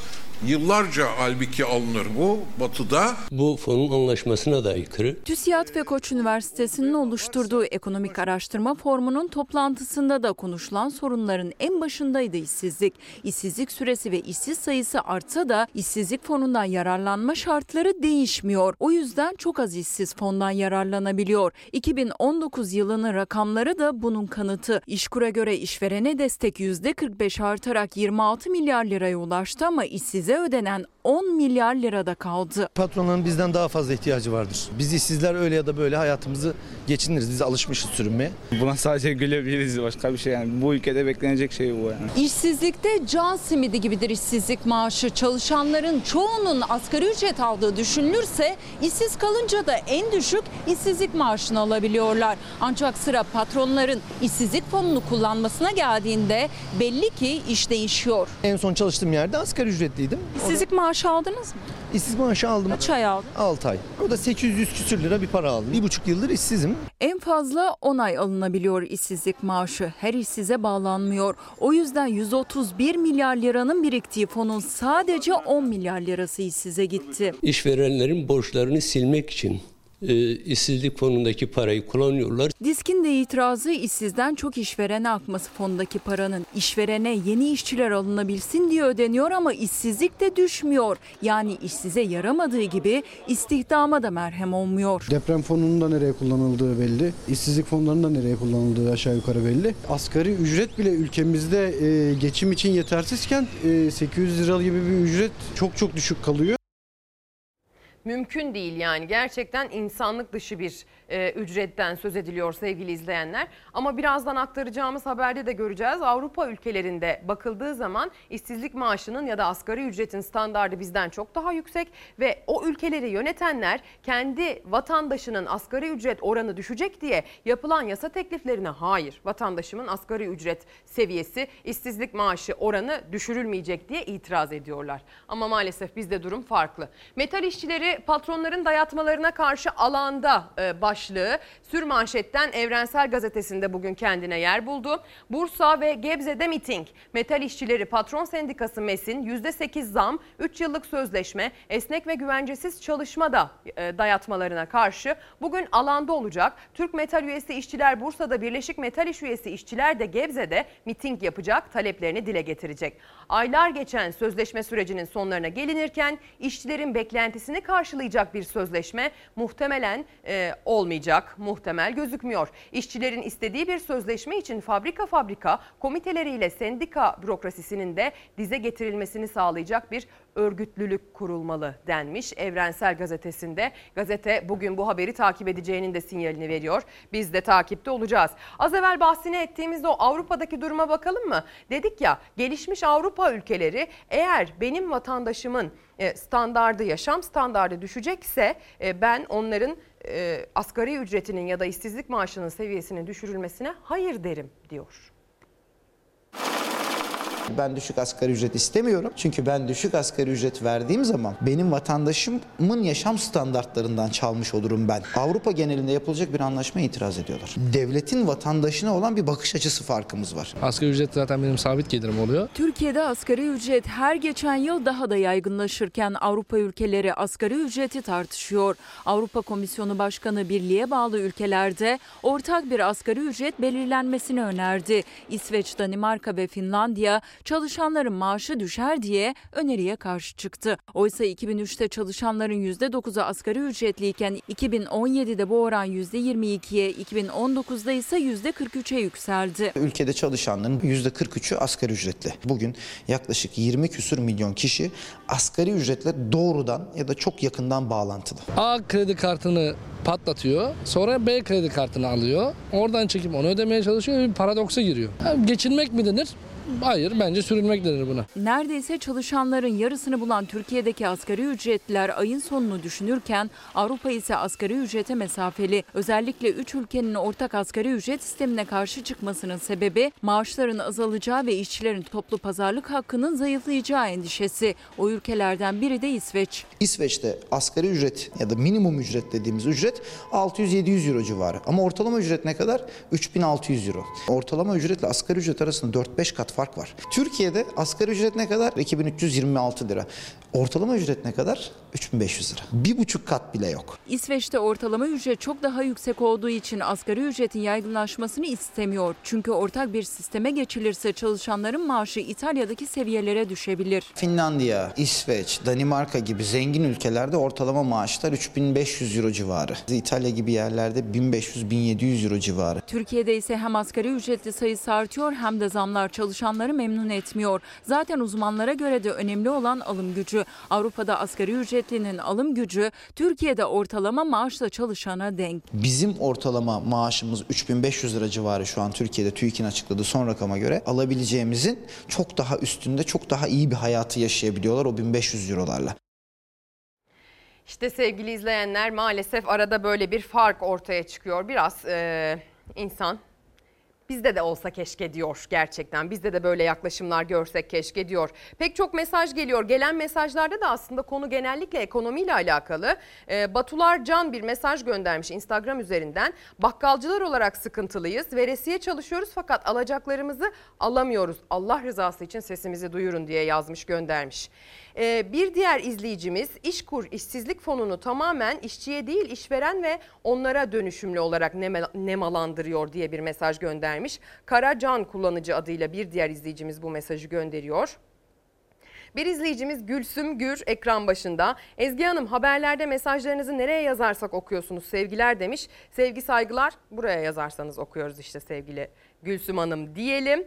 Ee, bir diğer mesajsa Ferdi Bey'den geliyor. Ferdi Nak işsizlik çok yüksek seviyede Ezgi Hanım diye bir mesaj göndermiş. Zaten biz de tam olarak konuyu oraya getirecektik. Geçtiğimiz hafta içerisinde TÜİK bir rakam açıkladı. Dedi ki Ekim ayı işsizlik oranları 13,4'e düştü dedi. Kağıt üzerinde bu böyle. Peki ya sokakta?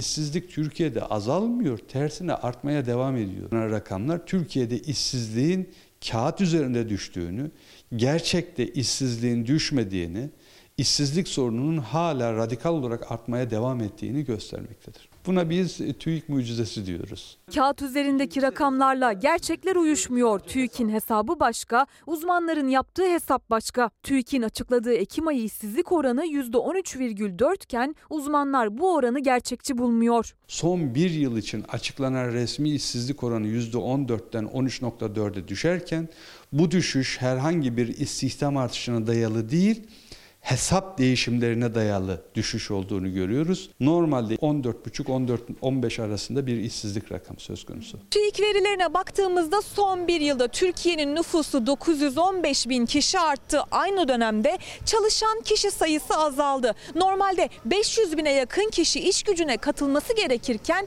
sadece 82 binde kaldı. İşsizlik rakamlarının artmış olması gerekiyordu ancak aynı veriler işsizlik rakamlarının düştüğünü gösteriyor. İşte bu yüzden giden TÜİK'in hesaplamaları kafaları karıştırıyor. 15 yaşını geçenler iş gücüne katılım oranını belirliyor. 915 bin artışa karşılık TÜİK'e göre çalışmak isteyenlerin sayısı sadece 82 bin kişi arttı. 2018-2019 kıyası gibi 2019'un Ağustos ve Ekim karşılaştırması da benzer. Ne muhteşem oran değil mi? Nüfus artıyor.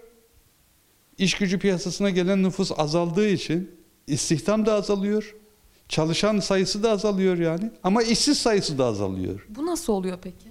Buna biz e, TÜİK mucizesi diyoruz. Karar Gazetesi ekonomi yazarı İbrahim Kahveci'ye göre bu gerçeklikten uzak hesap yöntemi aslında Türkiye'nin gerçeği, gitgide büyüyen bir işsizlik sorunu. Türkiye'de her yıl 500-600 bin kişiye iş bulunması gerekiyor. Buna karşılık geçen yıl 528 bin kişi işini kaybetmiş. İşsiz sayısı katlanarak artıyor. Dolayısıyla önümüzdeki dönemde işsizlik sorununun sosyal boyutları bizde çok daha fazla öne çıkacak. Aile birliğini sağlayamayan öğretmenler de ekran başında Emine Görüşük bir mesaj göndermiş. Kendisi yıllardır ailesinden uzakta atandığı için dershaneden kadroya alındığı için ailesinden uzakta öğretmenlik yapıyordu. Ancak şimdi ilçe emri çıkmasını bekliyorlarmış. Tayinleri çıktı ailelerine yakın bir noktaya ancak ilçe emri gelmediği için yine bir aile birliği sağlanamadığını aktarıyor. Öğretmenlerimiz onun da yeri gelmişken söyleyelim. Sıradaysa bir dolandırıcılığın haberi var sevgili izleyenler. Siz siz olun sakın ama sakın böyle durumlara düşmeyin. Benim kanser hastası ablam var. Onun tedavisi için arabamı satmaya karar verdim. Çiftçilikten borcum, var, ilaç borcum vardı, fidan borcum vardı. Onları kapatmak istedim ama kapatamadım. Dolandırıldı. Dolandırıldım evet. Kimi borcunu kapatmak, kimi kanser hastası ablasına destek çıkmak için otomobilini satışa çıkardı. Ama dolandırıldılar. Yüzün üzerinde kişi hatta ikinci el araç alıp satanlar bile aynı kişilerin ve aynı taktiğin kurbanı oldu. Siz bu işi yapan insansınız. Siz nasıl güvendiniz? Yani insan kendinden şüphe duyar bunlardan duymaz. Köylü kılıklı böyle yani gariban yani kesinlikle aklınıza öyle bir şey gelmez. Şimdi gene kandırabilirler yani bizi. Yine inanırım mı diyorsunuz? İnanırsınız. E, Herkes inanır. Hepsinin işaret ettiği aynı üç kişi. Denizlili çete. Türkiye'nin her yerinden aynı yöntemle parasını ödemeden araçların devrini alıyorlar. Arabayı internete koymuştum. Bu adamlar beni aradı. Aracımıza talip olduklarını söylediler. 110 bin lira diyorum dedim. 108 bin liraya anlaştık. Ee, Pazarlık da yap. evet pazarlık da yaptılar. Sonra dediler biz e, çiftçiyiz. Tarım kredi kooperatifinden kredi kullanacağız. Esnaf ve kefalet odasına bağlıyız. Ee, paranı oradan vereceğiz dediler. Gidelim esnaf kefalete rehin verelim. Ee, oradan para çekip üzerinize yatıralım dediler. Gittik oraya. Önce bizi bir lokantaya götürdüler. Bizi Ne yediniz? Ee, balıkçı restoranına gittik. Orada ne iyidir dediler? Sazan iyidir dediler. Sazan balığı yedik. Balığı yedikten Sazan sonra- yediniz. Sazan yedik evet. Sazan gibi de. Tamam dedik. Tamam dedik biz de. Çocuğa baktık, devrini verdik. Hep cuma günleri ve mesai bitimine yakın otomobilleri Denizli'ye sahiplerini de notere götürüyor. Kredi ve ipotek bahanesiyle devrini alıyor ancak parayı yatırmıyor şebeke. Sonra da bir şekilde ortadan kayboluyorlar. Petrol istasyonunda dediler lavaboya gideceğiz, WC'ye gideceğiz dediler. Biz de indik onlarla beraber. Onlar bizden önce çıktı. Bir an bir şüphelendim bunlar kaçmasınlar diye. Çıktım baktım araç yani bir dakika bile sürmedi benim onların peşinden çıkmam. Araçla birlikte kaybolmuşlar. Bir evrak eksikmiş. Mahalleye beraber gittik. Mahallenin içinde kaçtı gitti. Arkasından da kovaladım. Kaçtı resmen kaçtı. Dolandırıcıların ilk mağdurlarından Mehmet Ata Ağarma bir grup kurdu. Bulabildiği 30 kişiye ulaştı. Sayı daha da büyüyor. Bolu'dan şebekesi mağdurları diye bir grup kurduk. Samsun'dan var, Aydın'dan var, İstanbul'dan var, e, Manisa'dan var, e, Muğla'dan var. Çözüm bulabilmek için polise, savcılara, meclise gittiler. Denizli ve Antalya milletvekilleri, İçişleri Bakanı Yardımcısı ve Emniyet Genel Müdürlüğü ile de görüştüler. Ama sonuç Sonuç yok. İşte bizim sıkıntımız burada. Bir şekilde bu adamlar hala dışarıda. Hepsi hala dışarıda insanları dolandırmaya devam ediyor. Aman dikkat parasını kimse almadan imza atmasın. O paradan vazgeçtim. Zaten öyle para gelmeyecek bize de. Yani ceza çeksinler istiyorum. Maalesef dolandırıcılık konusunda da hayal gücü çok geniş olan ama maalesef insanlıktan nasibini almamış kişilerin de böyle haberlerini yapmak durumunda kalıyoruz. Mağdur ettikleri insanların haberlerini yapmak durumunda kalıyoruz sevgili izleyenler. Peki paradan ya da parasızlıktan, ekonomik durumumuzdan bu kadar bahsetmişken emekliler için bir pencere açmayalım mı? Emekliler emekli oluyorlar artık dinlenme hayaliyle aslında emekliliğe bir geçiş gerçekleştiriyorlar ama peki e, dinlenebiliyorlar mı? Yani çalışmadan bir şekilde emekli maaşıyla geçimlerini sürdürebiliyorlar mı? Ekran başındaki emekliler de buna sosyal medyadan e, cevap verebilirler. Haberimiz de aslında soruya bir cevap niteliğinde. Emekli misiniz? Emekliyim. Geçinebiliyor musunuz? Maalesef. Ne kadar maaş alıyorsunuz? buçuk oldu yeni 150 lira zam aldım. Geçim derdi çalışan emekli sayısını neredeyse ikiye katladı. Maaşlarında kesinti yapılmasına rağmen çalışmak zorunda olan emeklilerin sayısı 2015 yılından itibaren her yıl istikrarlı bir şekilde arttı. 2018'den 2019'a da artış %40'la rekor kırdı. Ne satıyorsunuz? Kur'an-ı Kerim, namaz hocası, tesbih, hukuku, sağlığın yerinde yani bir, bir şeyler yapabilirim. Ama bize kimse iş de vermez. O yüzden böyle satış yapıyorsunuz. Böyle satış yapıyoruz. 2019 verilerine göre Türkiye'de 94.579 çalışan emekli var. Ancak yaklaşık 12 milyon emeklinin yarısı kayıt dışı çalışıyor. 71 yaşındayım. E çalışacağım kadar çalışın burada. Bundan sonra aslında benim istirahat etmem lazım, gezmem lazım, tozmam lazım. Ama o, o parayla nasıl gezip tozacağım? Nurol Molla Hüseyinoğlu'nun aldığı 2200 lira emekli maaşı ancak fatura ve kiraya yetiyor. Geçim için 70'inden sonra da sokakta, soğukta satış yapıyor. CHP'li vekil Murat Emir'in iddia ettiği kayıt dışı 6 milyon emekliden biri Molla Hüseyinoğlu. Yazında memlekete gidiyoruz. Orada yani ufak tefek bir şeyler yapıyoruz. Memlekette çalışıyorsunuz, tatil yapmıyorsunuz. Tatil mi? O ne oluyor? Kayıt dışı çalışan emekli maalesef çok var yani. Ne iş yapıyor? Merdiven altında işte günlük kahvelerde veyahut da işte bir yere kargo gibi yani gidecek, bir evrak götürecek, getirecek. Ahmet Aydın ise çiçeği burnunda bir emekli. Bir yıl önce bağlanan maaş 1070 lira. Çalışmak zorundayım. İstanbul koşullarında geçinebilmek çok zor. İki çocuğum var. Kirada oturuyorum. 1000 TL. Benim aldığım maaş 1070 lira. Emekliler Derneği başkanlarından Fettah Deniz'e göre de enflasyon oranındaki zamlar gerçeği yansıtmıyor. Emeklinin sıkıntısı her geçen gün azalacağına daha da artıyor. İnsanca yaşamak istiyor. Kimseye borçlu ol- olmamak istiyor. Emeklilerin istedikleri bu. Mesajlar geliyor, emeklilerden mesajlar geliyor. Fersan Kurt demiş ki bir emekli olarak geçen gün TÜİK'e mesaj attım. Alışveriş yaptıkları yerin konumunu gönderin diye. Aman Allah'ım tam 1500 tane konum geldi. Vazgeçtim ben yine bizim bakkaldan alışveriş yapmaya devam edeceğim diyor gönderdiği mesajda. Fernur e, Isıtman bir mesaj göndermiş. Emekliyim, yandım sevgili Ezgi yandım ama soğuktan yandım doğalgazı açamıyorum diye gönderiyor mesajını. İşte vatandaşın dertleri aslında e, en öncelikli olarak ekonomisiyle, cebiyle alakalı sevgili izleyenler, işsizlikle alakalı ya da e, işe ihtiyacı olduğu halde, emekli olduğu halde iş bulamamakla alakalı olabiliyor. Ama maalesef biz bu gündemde e, Bitlis'teki Ahlat Sarayı'nı da tartışabiliyoruz. Ahlat Sarayı'nı tartışırken işin sadece ekonomik boyutunu değil, aslında hukuki boyutunu da göz önünde bulundurmak lazım. Ahlat'a bir cumhurbaşkanlığı köşkü yakışır. Böyle bir ota merkezini yapacağız. Anayasa tanımaz, kural tanımaz, hukuk tanımaz Recep Tayyip Erdoğan. Şimdi diyor ki Ahlat'taki sarayı bitireceğim. Yanına da butik oteller yapacağım.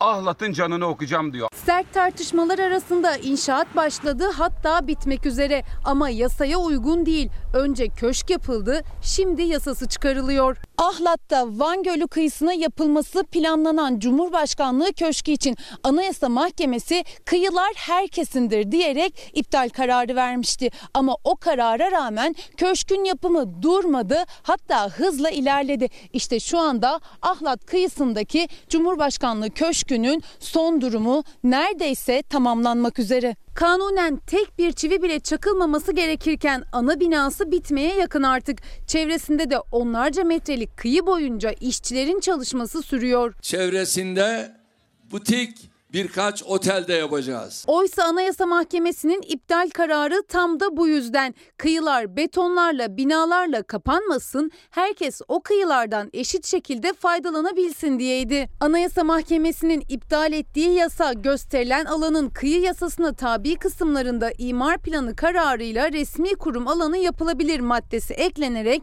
bir kez daha düzenlendi. 1071 metrekare oturma alanı olur. Bir de bunun çevre düzenlemesini yapacağız. En azından 5 dönüm. Belediye başkanımız da coştu. Tamam biz bunu 10 dönüm yaparız dedi. 1071 kişinin çalışacağı bir fabrikaya ihtiyacı var. Bu müjdeyi verselerdi ellerini öperdi. Otağı Sultan Alparslan oraya kurdu. Biz de varisleri olarak oraya otağı kuralım. Anayasa Mahkemesi'nin kararına rağmen inşaatta sona gelindi. Köşk şimdilik yasaya aykırı ama AK Partili ve MHP'li milletvekillerinin oylarıyla yasaya uygun hale gelecek. Gelen emekli mesajları gerçekten e, şu an böyle akıyor diyebilirim. Emeklilerin hakkını yiyorlar mesajını Bünyamin Bey göndermiş mesela. Pek çok farklı farklı mesaj geliyor. Mesajlarınızı e, Twitter ve Instagram e, üzerinden Ezgi Gözeger adreslerine gönderebilirsiniz diyelim sevgili izleyenler. Şimdi bir siyasetten pencere açacağız. Türk siyasetinde yeni bir parti atanın huzurundaydılar. Ülkemizi çağdaş medeniyetler çevresine yaklaştırabilmek amacıyla kurmuş olduğumuz Anadolu Birliği Partisi'nin kurucular olarak huzurundayız. Türk siyasetine 40 gün önce girdi Anadolu Birliği Partisi. Yönetim, kurucular ve üyeleri tam kadro atanın huzurundaydı. Şimdi yeni şeyler söylemek lazım diyerek yola çıkan Anadolu Birliği Partisi Genel Başkanı Bedri Yalçın, Anıtkabir özel defterine de Anadolu burada diye not düştü. İşçiler, emekliler, çiftçiler, tüm ezilmiş emekliler olarak buradayız. Anadolu burada saygılarım var. Bedri Yalçın ve yol arkadaşları ötekileştirmeyeceğiz, halkın sesi olacağız sloganlarıyla Türk siyasetine yeni bir soluk getirmeyi amaçlıyor. Sevgili izleyenler sıra geldi biraz havanın durumundan bahsetmeye. Artık 15 tatil geldiği için çolukla çocukla en azından şehir dışında vakit geçirilmese bile e, yani buna imkan yoksa da şehir içinde yani bulunduğumuz şehirlerde dışarıda vakit geçirmeye fırsatımız olacak mı sorusunun cevabı biraz hava durumuyla alakalı oluyor genelde. Ama isterseniz öncesinde doğuda yaşanan duruma bir bakalım. Çünkü geçtiğimiz günler itibariyle doğuda kar yağışı yoğunluğunu arttırdı. Aslına bakarsanız uzun zamandır beklenen kar yağdı. Pek çok noktaya çoktandır e, yağması gereken, geçtiğimiz yıllarda bu zamanlar kar altında olan bölgelere daha yeni kar yağdı. Dolayısıyla e, bir mağduriyet durumu da oluşuyor karla beraber ama aynı zamanda kar güzelliklerini de getiriyor. Doğu kar yağışının etkisi altında yaklaşık 500 köyün ulaşımı kar nedeniyle durdu. Bir taraftan kar, diğer taraftan sis ve buzlanma bölgede hayatı durma noktasına getirdi. Aşağı gideceğim. Kışın başından bu yana bir türlü kar yağmayan pek çok yere yağdı beyaz bereket. Kırsal kesim ve yüksekler zaten karlıydı. Karın miktarı daha da arttı. Mezra ve köylerin ulaşımı durdu. Van'da toplam 270 köyün dünya ile bağlantısı kesildi. Bitlis'te ise 80 köy yolu ulaşıma kapandı. Hakkari'de ise 141 köye ulaşım kar nedeniyle aksıyor. Pek çok noktada il özel idaresine bağlı ekipler karla kaplı yolları açmak için çalışıyor. Dünya ile bağlantısı kesilen köylerde en büyük zorluğu merkezdeki hastanelere acil ulaşması gereken hastalar yaşıyor. Hakkari Yüksekova'ya bağlı Değerli köyünde kar yüzünden hastaneye gidemeyen hasta ambulans istedi. Ambulans iş makinesi eşliğinde köye 2 saatte ulaşabildi. Merkezden sadece 30 kilometre uzaktaki köyden hastaneye gitmek saatler sürdü.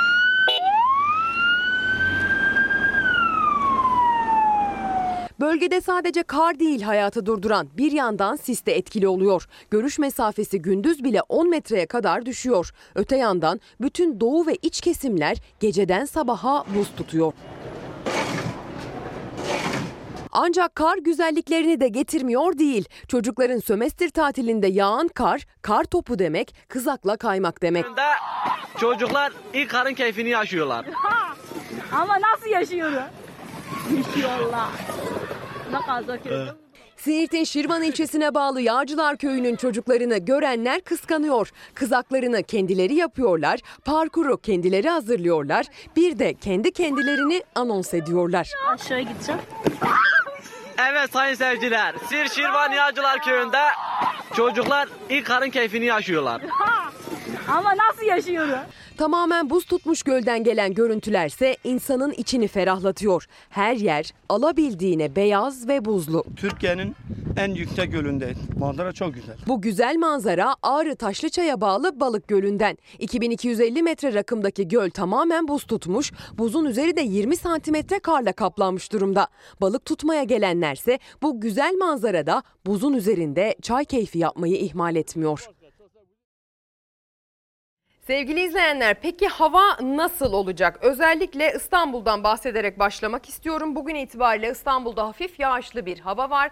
Sıcaklıklar dünden çok farklı değil. Yağışın ihtimali ve gökyüzünün durumu dünden çok farklı değil. Ancak yarın itibariyle hissedilen sıcaklıkları e, dibe çekecek bir kuzeyli rüzgar söz konusu. Biraz sert esecek bir rüzgardan söz ediyoruz. Poyraz geliyor bize soğuk havasını da getiriyor. Sadece İstanbul'a değil Marmara bölgesi geneline e, aynı şekilde sirayet edecek serin hava, soğuk hava getirmek şeklinde.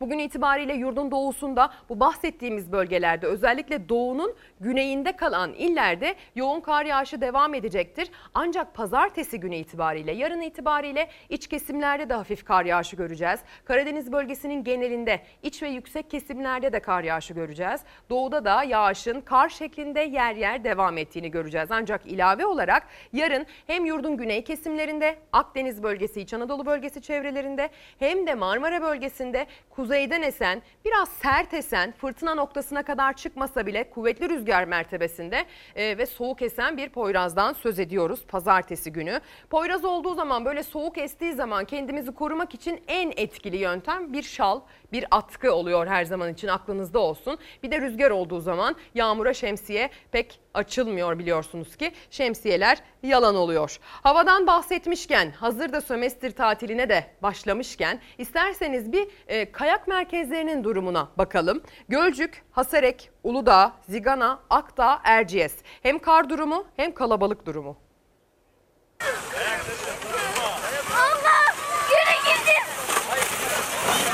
Gölcük, Hesarek, Uludağ, Zigana, Akdağ, Erciyes, Türkiye'nin kayak merkezleri okulların tatil olmasıyla ziyaretçi akınına uğradı. Burası Bolu'nun doğal güzellikleriyle ünlü Gölcük Tabiat Parkı. Burası ise Akdağ Kayak Merkezi. Aileleriyle 2000 rakımlı kayak merkezine giden çocuklar tatile eğlenerek başladı. Erciyes'te de yarı yıl tatili yoğunluğu yaşanıyor. Beyaz örtü şu günlerde kayak tutkunlarıyla dolup taşıyor.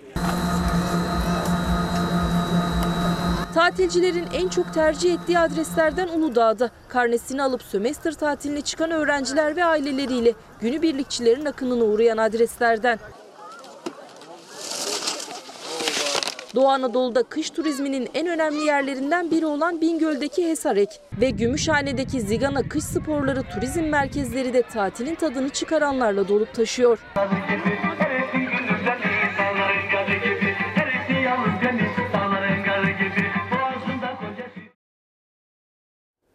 Yani aslında her zaman mağduriyet anlamına gelmiyor kar sevgili izleyenler. Keyfini tadını çıkaranlar da yok değil. Şimdi hazır havanın durumundan bahsetmişken Avustralya'daki yangın meselesine de bir pencere açmak gerekiyor. Ancak Avustralya'daki yangından Avustralya'daki sele dönüştü aktaracağımız haber. Ee, kuvvetli bir yağış sonrası oluşan sel e, infial yarattı. Bir yanda aylardır söndürülemeyen yangın, nesli tükenme tehlikesiyle karşı karşıya kalan hayvan türleri, yok olan ormanlar. Diğer yanda 100 yılda bir görülen yağışlar ve yıkıcı sel. Avustralya'da felaketler birbirini izliyor. Şiddetli yağmur ve sel Avustralya'nın doğu kıyılarındaki Queensland eyaletinde hayatı olumsuz yönde etkiledi. Yağmur o kadar şiddetli ki uzmanlar böyle bir yağışın 100 yılda bir yaşanabileceğini söyledi. Ülkenin bir bölümü alev alev yanarken bir bölümünde sel evleri ve köprüleri yıkıyor. Kötü hava koşulları nedeniyle birçok yol ulaşıma kapandı. Eyaletin güneydoğusundaki kentlerde insanlar sular altında kalan yollarda botlarla hareket etmek zorunda kaldı. Öte yandan orman yangınlarının devam ettiği komşu eyaletler Yeni Güney Galler ve Victoria'da birçok bölgenin elektriksiz kaldığı ve binlerce kişinin tahliye edildiği belirtildi. Avustralya genelinde yangınlar nedeniyle şimdiye kadar 10 milyon hektara yakın alan zarar gördü. Yarım milyar civarında hayvan da öldü. Bazı bölgelerinde felaket durumu ilan edilen ülkede Eylül ayında Kasım'dan beri devam eden yangınlar nedeniyle en az 27 kişi hayatını kaybetti. İklim krizi kaynaklı yangınlar, iklim krizi kaynaklı seller, Avustralya galiba e, içinde bulunduğumuz iklim krizinin en canılıcı etkilerini yaşıyor. Son dönemde bunu en çok yaşayan bölgelerden bir tanesi diyelim. Şimdi bir reklam arası vereceğiz ama sonrasında sizi, bizi, cebimizi, sağlığımızı ilgilendiren e, çok e, dolu bir akışımız var. Burada olacağız. Günaydın sevgili izleyenler. Bir kez daha ekran başına hoş geldiniz. Bir kez daha günaydın diyoruz. Bugün biliyorsunuz Libya'da Libya konusuyla ilgili Berlin'de bir toplantı gerçekleşecek. Cumhurbaşkanı Erdoğan o toplantıdan önce havalimanında konuşuyor. Bir açıklamanız oldu. O yüzden tam da burada sormak istiyorum. FETÖ yargılamalarında aynı sanığa bir mahkeme ömür boyu hapis verirken başka bir mahkemenin beraat vermesi yaşanan bu çelişkileri nasıl değerlendiriyorsunuz efendim? Değerli arkadaşlar, tabii bu yargı camiamız için gerçekten çok çok üzücü bir adım olmuştur. Ve ilginç olan şey şu, tabii bunların hepsinin talimatlarını da verdik. Yani kararı veren kişi veya kişilerin de FETÖ'cü olması yani bu işin nerelere vardığını gösteriyor. Ve bunun arkasında daha ne gibi oyunlar olabileceğini de çok açık, net gösteriyor. Ama bir gerçek var ki yani hak sonunda er veya geç yerini buluyor. İşte düşünün yani müebbet hapse mahkum olmuş bir kişiyi kalkıp hemen beraat ettirme veyahut da tahliyesini verme gibi bir yola bir mahkeme nasıl gidebiliyor? Böyle bir adım nasıl atabiliyor? Bu anlaşılabilir şey, anlaşılabilir bir şey değil. Ve sağ olsun Adalet Bakanlığımız ve savcılarımız bu noktada adımlarını attılar. Ve en kısa İçişleri Bakanlığı ile beraber yaptıkları operasyonla da yakaladılar. Tekrar kendi cezai müeyyide uygulanmaya başladı. Şu anda malum içeride. Evet, çok teşekkür ediyorum. Cumhurbaşkanı Erdoğan'ın FETÖ yargılamalarıyla alakalı konuşmasının son kısmına denk geldik. Biz reklam arasında konuşmanın tamamını takip ettik. Libya ile ilgili söylediklerini de aslına bakarsanız derledik. Yunanistan Başbakanı'nı eleştirdi o konuşmada. Miçotakis için bu oyunu yanlış oynuyor sözlerini sarf etti Cumhurbaşkanı Erdoğan. Yunanistan'ın Berlin'e davet edilmemesinden dolayı yaşadığı e, rahatsızlık için de e, sevgili izleyenler sözleri vardı. Bir rahatsızlık yaşandığını söyledi Cumhurbaşkanı Erdoğan. Berlin konferansı ile ilgili elimize ulaşan bir taslak metin yok şeklinde konuştu. E, bu biz konuşmayı tamamen takip ettik. İlerleyen dakikalarda oradan bir özet de e, size aktaracağız. İsyancı General Hafter'le ilgili de sözleri var konuşmasının içerisinde ve uluslararası toplumun gerekli tepkiyi gösteremediğini aktardı Cumhurbaşkanı Erdoğan. Şu an İstanbul'da Atatürk Havalimanı'nda Berlin'e hareket etmeden önce bir basın toplantısı düzenledi. İlerleyen dakikalarda konuyla ilgili takipçiyiz. Size de özet şeklinde o sözlerini aktarıyor olacağız. Şimdi akışımıza geri dönmemiz gerekirse e, Bodrum'a doğru gidiyoruz. Muğla'nın Bodrum ilçesinde bir mandalina şenliği var aslına bakarsanız. O şenliği yaratan da Fadime abla. Fadime abla mandalinanın her şeyini yapıyor. Dolmasını yapmış, baklavasını yapmış, tatlısını yapmış, sütlacını yapmış. En son da tarhanasını yapmış. Sevgiyle, saygıyla selamlıyorum. Bodrum mandalinası her tarife girdi. Mandalinadan dolma, sütlaç, baklava derken şimdi bir de tarhana yapıldı. Mandalina dolması, mandalinalı sütlaç, e, mandalina ekşisi, mandalinalı tahin helva, mandalinalı e, baklava, mandalinalı pastil ve mandalinalı tarhana. Son ürünümüz bu da tarhanamız. Nasıl? Güzel, farklı, değişik bir. Fadime Aslan Bodrumlu becerikli bir üretici. Kendine has aromasıyla dünyaca meşhur Muğla'nın Bodrum ilçesinde yetişen mandalinalardan çeşit çeşit tarifler çıkarıyor Aslan. Her biri deneyenleri şaşırtıyor, mest ediyor. Bodrum mandalinasının aroması biliyorsunuz çok güzel.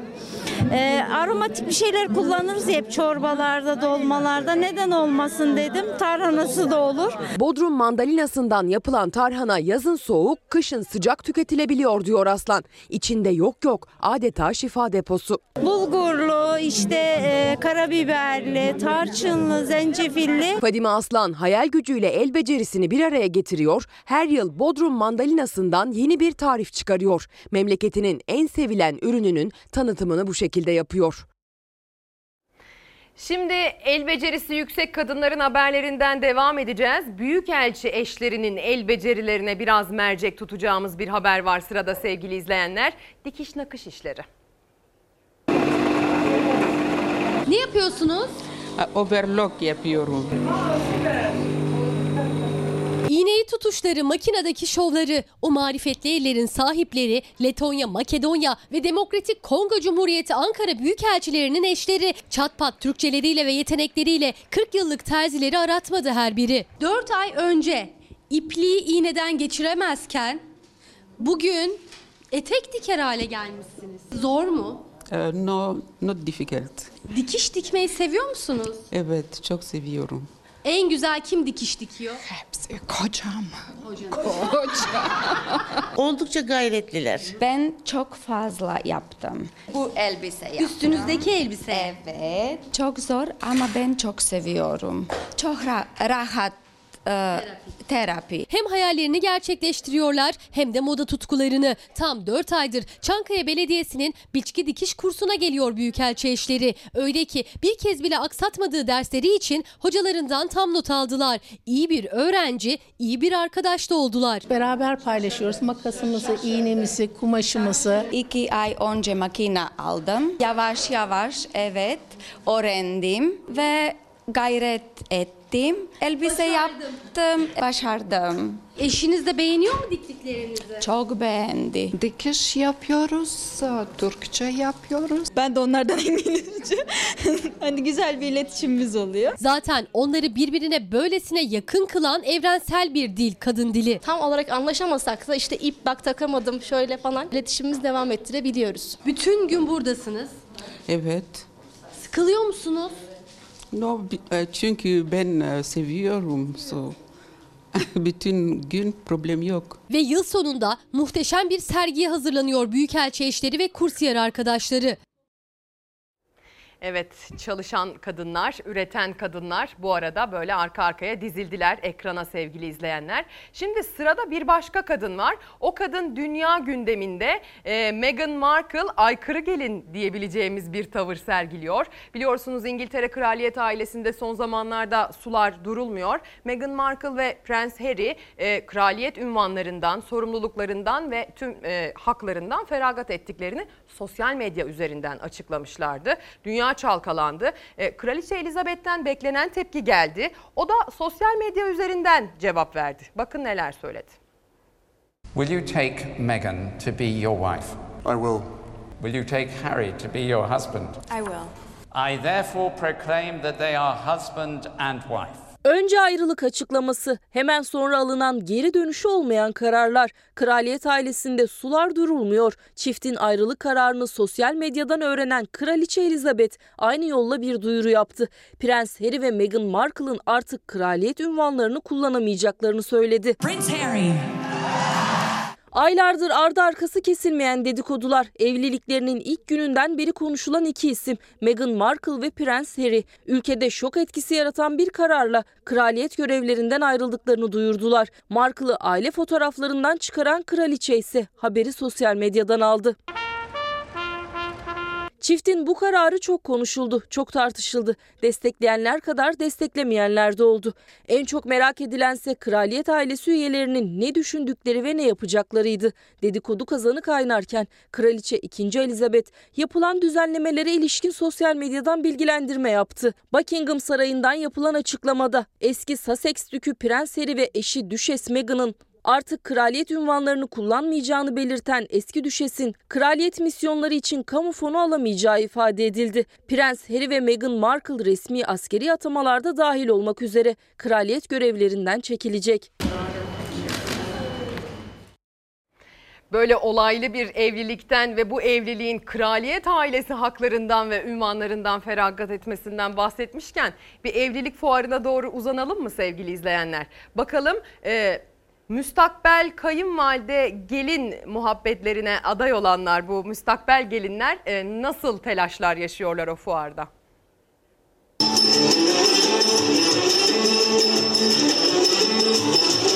Biz zamanı ileri aldıkça fiyat artıyor. Azalmıyor. Yani her şey zamlanmaya başlıyor. Damat biraz zorlanacak mı? Yok, zorlamayacağım. Zorlamayacağım. Terletti. Fiyatlar mı terletti? Evet arkaya bakınca fiyatlar terletiyor biraz. Artan fiyatlar evlilik yolunun o ilk adımında çiftleri hem yoruyor hem de terletiyor. Evlilik hazırlığı yapan çiftler daha uygun fiyatı bulma umuduyla evlilik hazırlıkları fuarındaydı. Fiyatlar artan maliyetler yüzünden geçen yılın neredeyse iki katı ancak fuara özel kampanya ve avantajlar evlenecek çiftlere az da olsa nefes aldırdı. Geçen sene e, 100-150 kişilik bir düğünü ortalama 70 bin liralara mal edebilirken bu sene 100-150 binin altında maalesef çıkamıyorlar. Ne kadar bütçe ayırdınız? En az 50 bin mi? E, en az, en az. Organizasyon işinin sınırı yok. O yüzden biz kendimizi biliyoruz ne kadar ne yapabiliriz diye, nerede durabiliriz diye. Artan maliyetler çiftleri gösterişli ve pahalı düğünlerden sade olanlara yöneltti. Evlilik hazırlıkları listesinin ilk sırasında ise gelinlik var. 2019 yılının başında 3 bin liradan başlayan fiyatlar 2020'de 5 bin liralara kadar çıktı. Düğün deyince akla hep gelinlik geliyor. Gelinlik kadar olmasa da damatlığında önemli bir maliyeti var. Örneğin şöyle bir damatlık ne kadar bunun maliyeti? 1299 ile 2500 TL arasında değişiyor fiyatlarımız. Geçen seneki en düşük fiyat 1100 liraydı. Ve davetiye. Özel tasarım davetiye plağın tanesi 9 lirayken bütçeye daha uygun olanlar da var. Fiyatı 50 kuruşla 1 lira arasında değişebiliyor. 150 kişilik için eğer 200-250 TL en düşük, e, 1500-2000 TL'lere kadar en yüksek çıkıyor. Ev hazırlığından bahsetmiyorum ama minimum evlenmenin maliyeti 70-80 bin liradan aşağı değil. Gelinin olmazsa olmazı makyaj. Ancak dövizdeki yükseliş makyaj malzemelerinin fiyatını da arttırdı. Geçen seneki gelin makyajı ücretleri e, normalde 1000 ve 1250 liradan başlardı. Bu sene 1500 ve üstü olarak devam ediyor. Böyle bir orkestrayla düğününüze ayrı bir renk katabilirsiniz ama bunun düğün organizasyonundan farklı bir maliyeti var. Ortalama 1500 TL'den başlayıp 3000-3500 TL'lere kadar ilerliyor. Aşırı pahalı ama en minimalist şekilde yapılabiliyor. Rakamları biraz daha düşüreceğiz sanırım öyle. Düğünü e, es geçerek daha farklı ihtiyaçlarımızı karşılayacağız. Kimisi imkanı olmadığı için düğünü es geçiyor. Kimisi imkanı olsa da düğün yapma gereği duymuyor. Kimisi o günü güzel anılarla hatırlamak için özel hazırlıklar peşine düşüyor. Hepsi maliyet demek sevgili izleyenler. İşte bakın fuarda da bu maliyet aslında kalem kalem karşımıza çıkıyor. Şimdi aslına bakarsanız başka bir konuya geçiş yapacağız. Bu konu hepimizi ilgilendiren bir konu. Sadece evlenecek olanları değil, tüm Türkiye'yi, çoluğumuzu, çocuğumuzu, geleceğimizi ilgilendiren konulara geçiş yapıyoruz. Çevre hassasiyeti e, içeren haberler bloğumuza geçiyoruz aslına bakarsanız. Öncesinde Mezitli'ye gideceğiz. Mezitli'de yaklaşık 1500 ağacın kesildiği söyleniyor. O iddiaya bakacağız.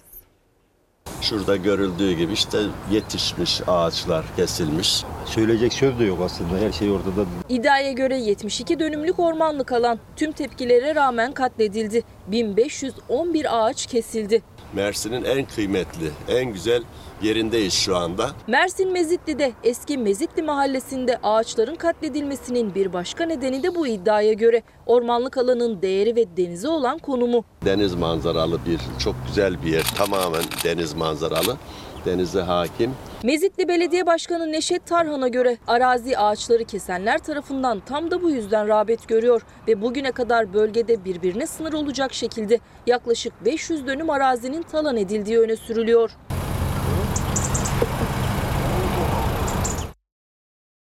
Şimdi bir de Balıkesir'in Ayvalık ilçesine doğru gideceğiz. Orada da bir başka durum var. Vatandaşlar toplanıp itiraz ediyorlar bu duruma. Bir baraj inşaatı, bir proje söz konusu. O projenin yapılacağı alanın özellikle baraj gölünün sularının toplanacağı alanın %80'inin e, zeytinlikler üzerinde olacağı iddia ediliyor. Vatandaş özellikle zeytincilikle uğraşan Ayvalıklı üreticiler buna itiraz ediyorlar. Büyük bir yıkımla karşı karşıyayız. İşte bundan da en çok etkilenen bizim yaşadığımız bu cennet topraklar, bu cennet parçası bölgeler. Ayvalık halkı tarım arazileri, zeytin ağaçları için yürüdü. Türközü, Çakmak ve Kırcalar sınırları içerisinde kalan zeytinlik alanları sular altında bırakacağı düşünülen Karakoç Barajı'na karşı ilçe halkı seferber oldu. HES'lerle geldiler. Maden şirketleriyle geldiler. Şimdi de barajlarla bölgemizin havasını, suyunu, toprağını, canlısını, börtüsünü, böceğini yok etmek istiyorlar. Ayvalık Belediyesi öncülüğünde ilçedeki sivil toplum kuruluşlarıyla kalabalık bir vatandaş topluluğu tarafından barajın kurulacağı alanda protesto eylemleri yapıldı. Ayvalık Belediye Başkanı Mesut Engin'in yanı sıra CHP Balıkesir Milletvekili Ensar Aytekin, Ayvalık Belediyesi meclis üyeleri, Ayvalık Kent Konseyi Yürütme Kurulu, Tabiat Parkı Platformu, Ayvalık Yerel İnisiyatifi, mahalle muhtarları, çevreci sivil toplum kuruluşlarıyla kalabalık bir vatandaş topluluğunun katıldığı eylemde barajın bölge halkına getireceği ekonomik sorunlar da dile getirildi. Kocadere üzerinde kurulmak istenen Karakoç Barajı'nın yapılması durumunda Mutluköy, Kırcalar, Bulutçeşme, Çakmak, Üçkabaağaç köylerinin bulunduğu 70 bin zeytin ağacı, hayvancılık, bamya gibi tarım alanları dolgu malzemelerinin temini ve su altında kalmasıyla yok olacaktır. 85 yılında e, taşkın sebebini önlemek için projelendirilen bu sistem bugünkü yıla kadar taşındı ve şimdi önümüze çıktı. Kısa zaman önce de Karayıt'ta maden sahasının genişletilmesi için yapılmak istenen ÇED toplantısına vatandaş müdahale etmiş, engellemişti. Madra Barajı su toplama havzasında kurulacak bir arıtma tesisi içme suyu elde edilmek suretiyle bölgenin gereksinimini karşılamak mümkün olabilecektir. Elimizde böyle bir imkan varken bu ikinci baraja ne gerek var? Vatandaş zeytin ağacını, üretimini, oradaki ağaç varlığını korumak için tepkisini gösteriyor. Ee, bakalım ilerleyen dönemde biz de bu durumu takip edelim sayın seyirciler. Ee, nereye varacak bu iş? Vatandaşın öne sürdüğü bu %80'lik arazinin tamamen zeytinlerle kaplı olup olmadığı e, durumu doğru mu değil mi? E, bunun peşine düşelim, takip edelim. Çok uzun zamandır takip ettiğimiz bir diğer konu filtresiz termik santraller. Aslına bakarsanız çevre tartışmaları dendiğinde 2019 yılına damga vuran çevre tartışması olarak karşımıza çıkıyor. 15 termik santralin filtresinin bacasız oluşu. Düşünün ki başka ülkelerde kömürlü termik santraller artık kullanım dışıyken artık yenilenebilir enerjiye geçilmişken bizde yeni yeni kömürlü ter- termik santraller kurulduğu gibi bir de var olanlara e, zaman tanınıyor ki filtresiz bacalarından dumanlar tütsün diye. Bunu çok tartıştık. Konuyla ilgili Kahramanmaraş'tan e, iyi diyebileceğimiz bir haber geldi. AK Parti'den e, Mahir Ünal Genel Başkan Yardımcısı Kahramanmaraş'taydı, memleketindeydi. 6. ay itibariyle Afşin Elbistan termik santrallerindeki filtrelerin yerini bulacağını söyledi. Haziran 2020'de e, bu işi tamamlayacaklarını belirttiler. AK Parti Genel Başkan Yardımcısı Mahir Ünal tarih verdi. Çok tartışılan termik santral filtreleri 6. ayda tamamlanacak dedi. Mahir Ünal Kahramanmaraş Büyükşehir Belediye Başkanı Hayrettin Güngör'ü ziyaret etti. Daha sonra Afine geçti. Bizim birinci önceliğimiz e, içinde yaşadığımız çevrenin korunması ve halk sağlığının muhafaza edilmesi. Çevreyi kirletmesinden insan sağlığını tehlikeye atmasından dolayı Çevre ve Şehircilik Bakanlığı'nca mühürlenen Afşin Elbistan A Termik Santrali'nde firma yetkilileri, ilçe belediye başkanları, AK Parti, MHP ve CHP il ve ilçe yönetimiyle işçi sendikası temsilcilerinin katılımıyla bir toplantı yapıldı. Gerekli şartları yerine getirmeyen termik santrallerin biliyorsunuz kapatılmasıyla ilgili bir karar ortaya çıktı. Da Burada çalışan e, 4300 kişinin de işsiz kalmaması da bizim birinci önceliğimiz. Önceliğimiz burada çalışan işçiler dedi Ünal. Toplantıda filtrelerin ne kadar sürede tamamlanacağının da konuşulduğuna vurgu yaptı. Firma Haziran diyor dedi. Sevgili izleyenler Mersin Mezitli'de ağaç dedik. Ee, Ayvalık'ta Balıkesir Ayvalık'ta baraj dedik. Kahramanmaraş Afşin Elbistan'da termiklerin filtreleri dedik. Sırada Marmara Denizi'nin durumu var. Uzmanlar çok ciddi bir şekilde uyarıyorlar. Bir iç deniz olan Marmara'yı göz bebeğimiz gibi korumalıyız ama maalesef kirletiyoruz diyorlar. Ne yazık ki denizi biz şu anda atık deposu olarak görüyoruz. İstanbul'daki suların çok büyük bir kısmı 75-70 kadar su hiç arıtmadan geçmiyor diyebiliriz neredeyse. Yalnızca bir ızgaradan geçiyorlar ve ondan sonra Marmara'ya deşarj ediliyorlar. İstanbul'un neredeyse tüm atık suyu Marmara Denizi'ne boşaltılıyor. Üstelik yaklaşık %75'i arıtılmıyor, sadece ızgaralardan geçiriliyor. Bu şekilde devam ederse Marmara Denizi bir atık deposuna dönüşecek. Bütün İstanbul'un düşünsenize bütün Kadıköy'ün, bütün Beşiktaş'ın, bütün Gazi Osman Paşa'nın, e, İstanbul'daki 20'den fazla ilçedeki sadece suyu bir süzgeçten geçirdiğinizi düşünün. Halk arasındaki deyimle pisliğiyle Marmara'ya atılıyorsa burada tabii ki de Marmara'nın dengesinin zaten hassas olan dengesinin alt üst olacağını söyleyebiliriz. Uzmanlar uyarıyor. Bir iç deniz olan Marmara Denizi'ndeki kirlilik oranlarının alarm verdiğini, denizin adeta yardım istediğini söylüyorlar. Etrafında yaklaşık 24 milyon insanın yaşadığı Marmara Denizi neredeyse tüm atıkların boşaltıldığı yer. Bu da yetmezmiş gibi boğaz trafiğinin getirdiği kirlilik ekleniyor üzerine. İsteyen atıklarını e, atarsa, geçişleri kontrol etmezsek, sadece gelişi güzel iki tane gemiyi yakalayıp onları ceza yazarsak bu e, böyle çözülmez. Aynı zamanda ülkenin sanayi kuruluşlarının çoğu da Marmara bölgesinde. Bir iç deniz olma özelliğiyle Marmara aslında dünya üzerinde pek çok ülkenin sahip olmadığı bir şans Türkiye için. Marmara Denizi dünyanın en hassas denizlerinden bir tanesidir ve göz bebeğimiz gibi korumamız lazım bizim burayı. Hala arıtma testlerini çalıştırmayan, sisteme zarar vermeye devam eden yerler var. Eğer bugün üzerimize düşeni tam olarak yapmaya başlarsak Marmara Denizi yaklaşık 20 yıl içinde eski haline kavuşabilir diyor uzmanlar. Bir kere İstanbul'daki tüm ön arıtma tesislerinin tamamına e, ileri biyolojik arıtma tesisi haline getirmek gerekir. Ve bunun dışında çok sıkı bir denetimle e, bütün o havzaya kaçak deşarjların, endüstriyel kaçak deşarjların yapılmasının önüne geçmek gerekiyor. Bir e, 15-20 yılda Marmara Denizi gerçekten pırıl pırıl olabilir. Yani bunun olmaması için bir neden yok. Peki o zaman soralım. İçiniz rahat bir şekilde balık yiyebiliyor musunuz? Ya da balık yemek istediğinizde paranız buna yetiyor mu? Eskişehirliler son olarak hamsiyi 5 liraya almış. 5 liraya kardeşim. Bugün Eskişehir'de balık 5 lira kardeşim. 5 liraya hamsi. Kış geldi, hava soğudu ama yüksek fiyatlar nedeniyle balığa ne yaklaşabildi ne de doyabildi tüketici. İşte tam da bu nedenle hamsinin kilosunun 5 lira olduğunu duyan balıkçılara kuyruğa koştu. Her zaman bunu bulamıyoruz zaten. Gördüğünüz gibi kuyrukta herkes. Ve bulmuşken kaçırmayalım. Avlanma yasağının kalktığı günden bugüne neredeyse 20 liranın altına düşmedi hamsinin fiyatı. Sevmeyen zaten uzak duruyordu ama seven de yaklaşamıyordu tezgahların yanına. Ancak Karadeniz'de son günlerde hamsinin bol çıkması Eskişehir'deki balıkçı tezgahlarındaki fiyatlara da yansıdı.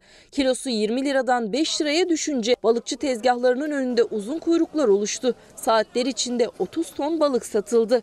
Balık çok, kuyruk da çok. 400 metre kuyruk var. Balık denizden fazla çıktığı zaman ucuz, az çıktığı zaman pahalı oluyor. Hamsi bollaştı, ucuzladı ama geçen yıl 10 lira olan çinekop bu yıl 80 liradan satılıyor. Çinekop şimdi olmuş 80 lira. Hamsi 5 lira. Geçen sene çinekop 10 liraydı. Vatandaş parayı gerçekten o kadar zor kazanıyor ki işte hamsi 5 lira olduğu zaman kuyruklar oluyor ya da çinekop yemek istediği zaman aman bu sene yemeyeyim belki seneye daha ucuz olur diye düşünüyor. Bakın Milli Gazete'nin ilk sayfasında yer alan bir detay haftalık 40 lira için her gün hurda topluyor diye detay ilk sayfadan küçük de olsa yer bulmuş. Hadi o hikayeye bakalım. İhtiyaç var mı? Çok ihtiyacım var. İhtiyacı var, ihtiyacı var. İhtiyacı var. Hadi ihtiyacı yok, ben toplanıyor.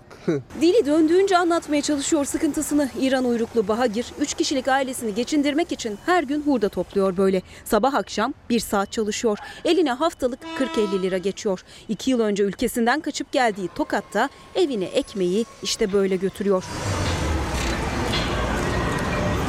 54 yaşındaki İranlı Murteza Kubahagir haftalık 40 lira 50 lira kazanç sağlıyor elektrikli bisikletiyle. Hurda topluyor. Topladıklarını atık alımı yapan tesislere götürüp satıyor. Hayat zor. zaman zaman hem kendini hem de trafiği böyle tehlikeye atıyor. Paradan bu kadar bahsetmişken LÖSEV'in kurduğu çarşıya da gidelim. E, lösemili çocuklar ve aileleri bu çarşıda gönüllerince alışveriş yaptı. En azından bir aylık mutfak masrafımızı karşılayacağız sanırım. Normalde kendi şartlarımızda karşılamamız mümkün değil. Bağışçılar, yardımseverler gıdadan giysiye ihtiyaç duyulabilecek her şeyi gönderdiler. Lösemili çocuklar ve aileleri Lösev'in İyilikler Çarşısı'nda doyasıya alışveriş yaptı. Nasıl gidiyor alışveriş? Valla güzel gidiyor. LÖSEV her zaman yanımızdaydı zaten tedavimizin ilk başından beri. Lösemili Çocuklar Vakfı LÖSEV 2020 yılını yardımlar yılı ilan etti. Bağışçılardan yardım yağdı. 10 ilde kurulacak İyilikler Çarşısı'nın ilki İstanbul'daki yerini aldı. Çok tatlı. Kızgın daha oyuncağa gidemedik. Ee, onun- Siz de önce oyuncağı alacaktınız. Ya, çok kalabalıklar. Lösemili çocukların aileleri ihtiyaç duyabilecekleri her şeyi ücretsiz alırken çocuklar da onlar için kurulan oyun dünyalarına daldılar. Sizin sepetiniz oyuncak dolmuş. Evet çünkü onun günü, onun eğlencesi. Yiyecek bir şey almasına izin verecek misin annenin? Verecek misin?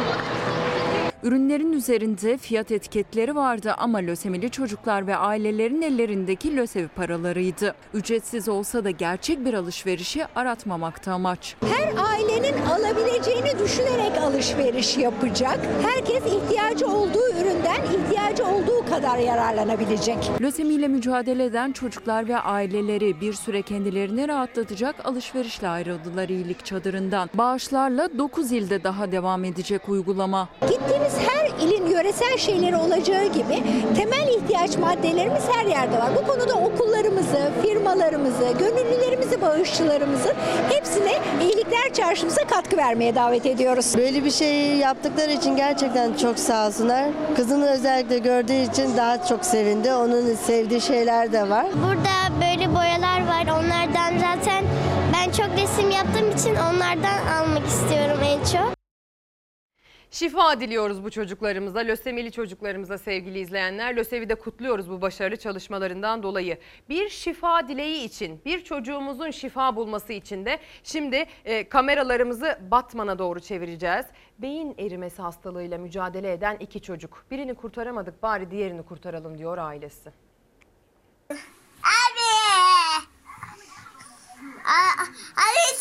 Şu anda oynuyor, koşuyor, e, ihtiyaçlarını görüyor. Onun için bir ilaç var. Eğer o ilacı alırsa Ahmet Çınar'ım iyileşir inşallah. 6 yaşındaki Ahmet Çınar Abay şu anda koşup oynuyor ama sözü edilen o ilacı alamazsa bir süre sonra 11 yaşındaki abisi Emircan gibi yatağa mahkum olacak. İki kardeş de dünyada çok nadir görülen NCL hastalığına yakalandı. 7 yıldır yatağa mahkum olan abi Emircan Mert'e geç teşhis konuldu. Bu yüzden tedavi şansı yok. Ancak Ahmet Çınar Türkiye'de bulunmayan yıllık maliyeti 700 bin euro yani yaklaşık 4 milyon 600 bin lira tutarındaki ilacı kullanırsa iyileşebilir. Benim alabilecek gücüm yok. Çünkü ben bir öğretmenim. Matematik öğretmeni Baba İhsan Abay, valilik kanalıyla bir yardım kampanyası başlattı. Sosyal medyada Ahmet'e umut olalım etiketiyle binlerce mesaj paylaşıldı. Ancak Batman'da yaşayan aile henüz gerekli paranın yarısına bile ulaşamadı. Değerli yetkililer, e, Sağlık Bakanlığı, Sosyal Güvenlik Kurumu, Sayın Cumhurbaşkanımız inşallah bir, bir an önce bu işe el atarlar ve e, bunu çözüme kavuştururlar. Ahmet Çınar'ın hareket ve konuşma kabiliyeti her geçen gün azalıyor. Bu kalıtsal hastalık ilerlerse o da abisi gibi yatağa mahkum olacak. Abay ailesi kesin tedavisi bulunmayan NCL hastalığını kontrol altına almaya yönelik ilaç için yardım istiyor. Sayın Emine Erdoğan, özellikle size sesleniyorum. Diğer çocuğum da onu hastalığına yakalanmış. Onun durumuna düşmesini istemiyorum. Yardım ve destek bekliyorum. Sevgili izleyenler geçmiş olsun diyoruz ve bu valilik destekli, valilik onaylı e, yardım kampanyasını da bir kez daha hatırlatmış oluyoruz bu haberimizle. Şimdi sırada bir soygunun haberi var ama gerçekten görüntüler bir e, film sahnesi gibi dehşet görüntülerle ve dehşet bir yöntemle bir e, soygun haberi. Ciple girdikleri kuyumcuyu soyan 3 kişiyi soyguna tanıklık edenler kovaladı. İngiltere'nin başkenti Londra'da 3 soyguncu güpegündüz bir kuyumcuyu hedef aldı. Soyguncular çaldıkları ciple dükkanın camından girdi. Müşteriler ve çalışanlar neye uğradıklarını şaşırdı. Üç soyguncu ellerindeki çekiçlerle tezgah vitrinlerini kırdı. Altın ve değerli takıları çantalara doldurdu. Her şey 50 saniye sürdü. Soyguncular girdikleri yoldan kaçacaktı ancak soygunu görenler onlara müdahale etti. Cam kapıyı kırarak kaçmak isteyen soygunculardan birini onları kovalayan görgü tanıkları yakalayıp polise teslim etti. Geçtiğimiz Ekim ayında yaşanan olayda tutuklanan İngiliz adam 10 yıl hapis cezasına çarptırıldı. Soygunun yeni görüntülerini yayınlayan polis kaçan iki saldırganı yakalamak için halktan yardım istedi. Şimdi bizden bir hırsızlık hikayesi var. Dört tane şüpheli çaldıkları arabayla kaçıyorlar. Ee, polis ihtarına uymayan şüphelilerden bir tanesi e, kaçmaya devam ediyor. Diğer üçü yakalanıyor. Ama bakın sonunda ne oluyor? Değil baksana bacağına. Ormanlık alanda gözden kaybolur. Polisi atlatırım sanmıştı ama planladığı gibi olmadı. Polisten kaçan hırsız bataklığa saplanıp saatlerce polisin onu bulmasını, kurtarılmayı bekledi. İstanbul Arnavutköy'de çalıntı araçla kaçan 4 şüpheli polisin dur ihtarına uymayınca kovalamaca başladı. GPRS'te çalınan aracı takip eden ekipler 4 şüpheliden 3'ünü yakaladı. Biri ise araçla kaçtı. Aracın bir süre sonra Boğazköy hafriyat döküm sahasında durduğu tespit edildi. Çevre ormanlıktı. Şüpheli ağaçların arasında gözden kaybolmayı planlıyordu. Ancak o yolun bir sonu vardı. Bataklık. Çamura saplanan şüpheli hareket edemeyince sabaha kadar bulunup çamurdan kurtarılmayı bekledi. Sonunda hafriyat sahası çalışanları duydu sesini şüphelinin. İtfaiye ekiplerinin 2 saatlik çalışması sonucu bataklıktan çıkarıldı. Ambulansla hastaneye kaldırıldı. Sırada Amerika'dan bir kaza anı. Bariyerler kapandı. Sürücü hemzemin geçitte sıkıştı. Ne yapacağına karar verdiğinde her şey için çok geçti. Amerika Birleşik Devletleri'nin Miami şehrinde araç kamerası kaydetti kazayı. Sürücü hemzemin geçitten geçmek üzereydi. Birden trenin geldiğini haber veren ışık yandı. Bariyerler kapandı. Arada kalan otomobil sürücüsü ne yapacağını bilemedi. Yolun karşısına geçmeye karar verdiğinde geç kalmıştı. Tren otomobile ön kısmından çarptı. Bu da sürücünün hayatını kurtardı. Aracın önü hurdaya dönerken mucize eseri hayatta kalan sürücü yaşadığı şoku uzun süre atlatamadı. Sevgili izleyenler bu haberle artık yüreğimizin e, hoplamasını bir kenara bırakıyoruz ve kısa bir araya gidiyoruz. Sevgili izleyenler 19 Ocak pazar sabahına birlikte günaydın dedik. Günün çalar saatini birlikte çaldık. Çalar saat hafta sonu bu hafta sonu itibariyle yayın süresini doldurdu efendim. Şu an veda ediyoruz artık sizlere. Güzel bir pazar günü olsun. Güzel bir pazar günü güzel bir hafta başlangıcı anlamına da gelir. Sendromsuz bir pazartesi olsun peşinden gelen günde. Biz önümüzdeki hafta sonu tekrar burada olacağız. O zamana kadar e, hoşça kalın. Görüşürüz.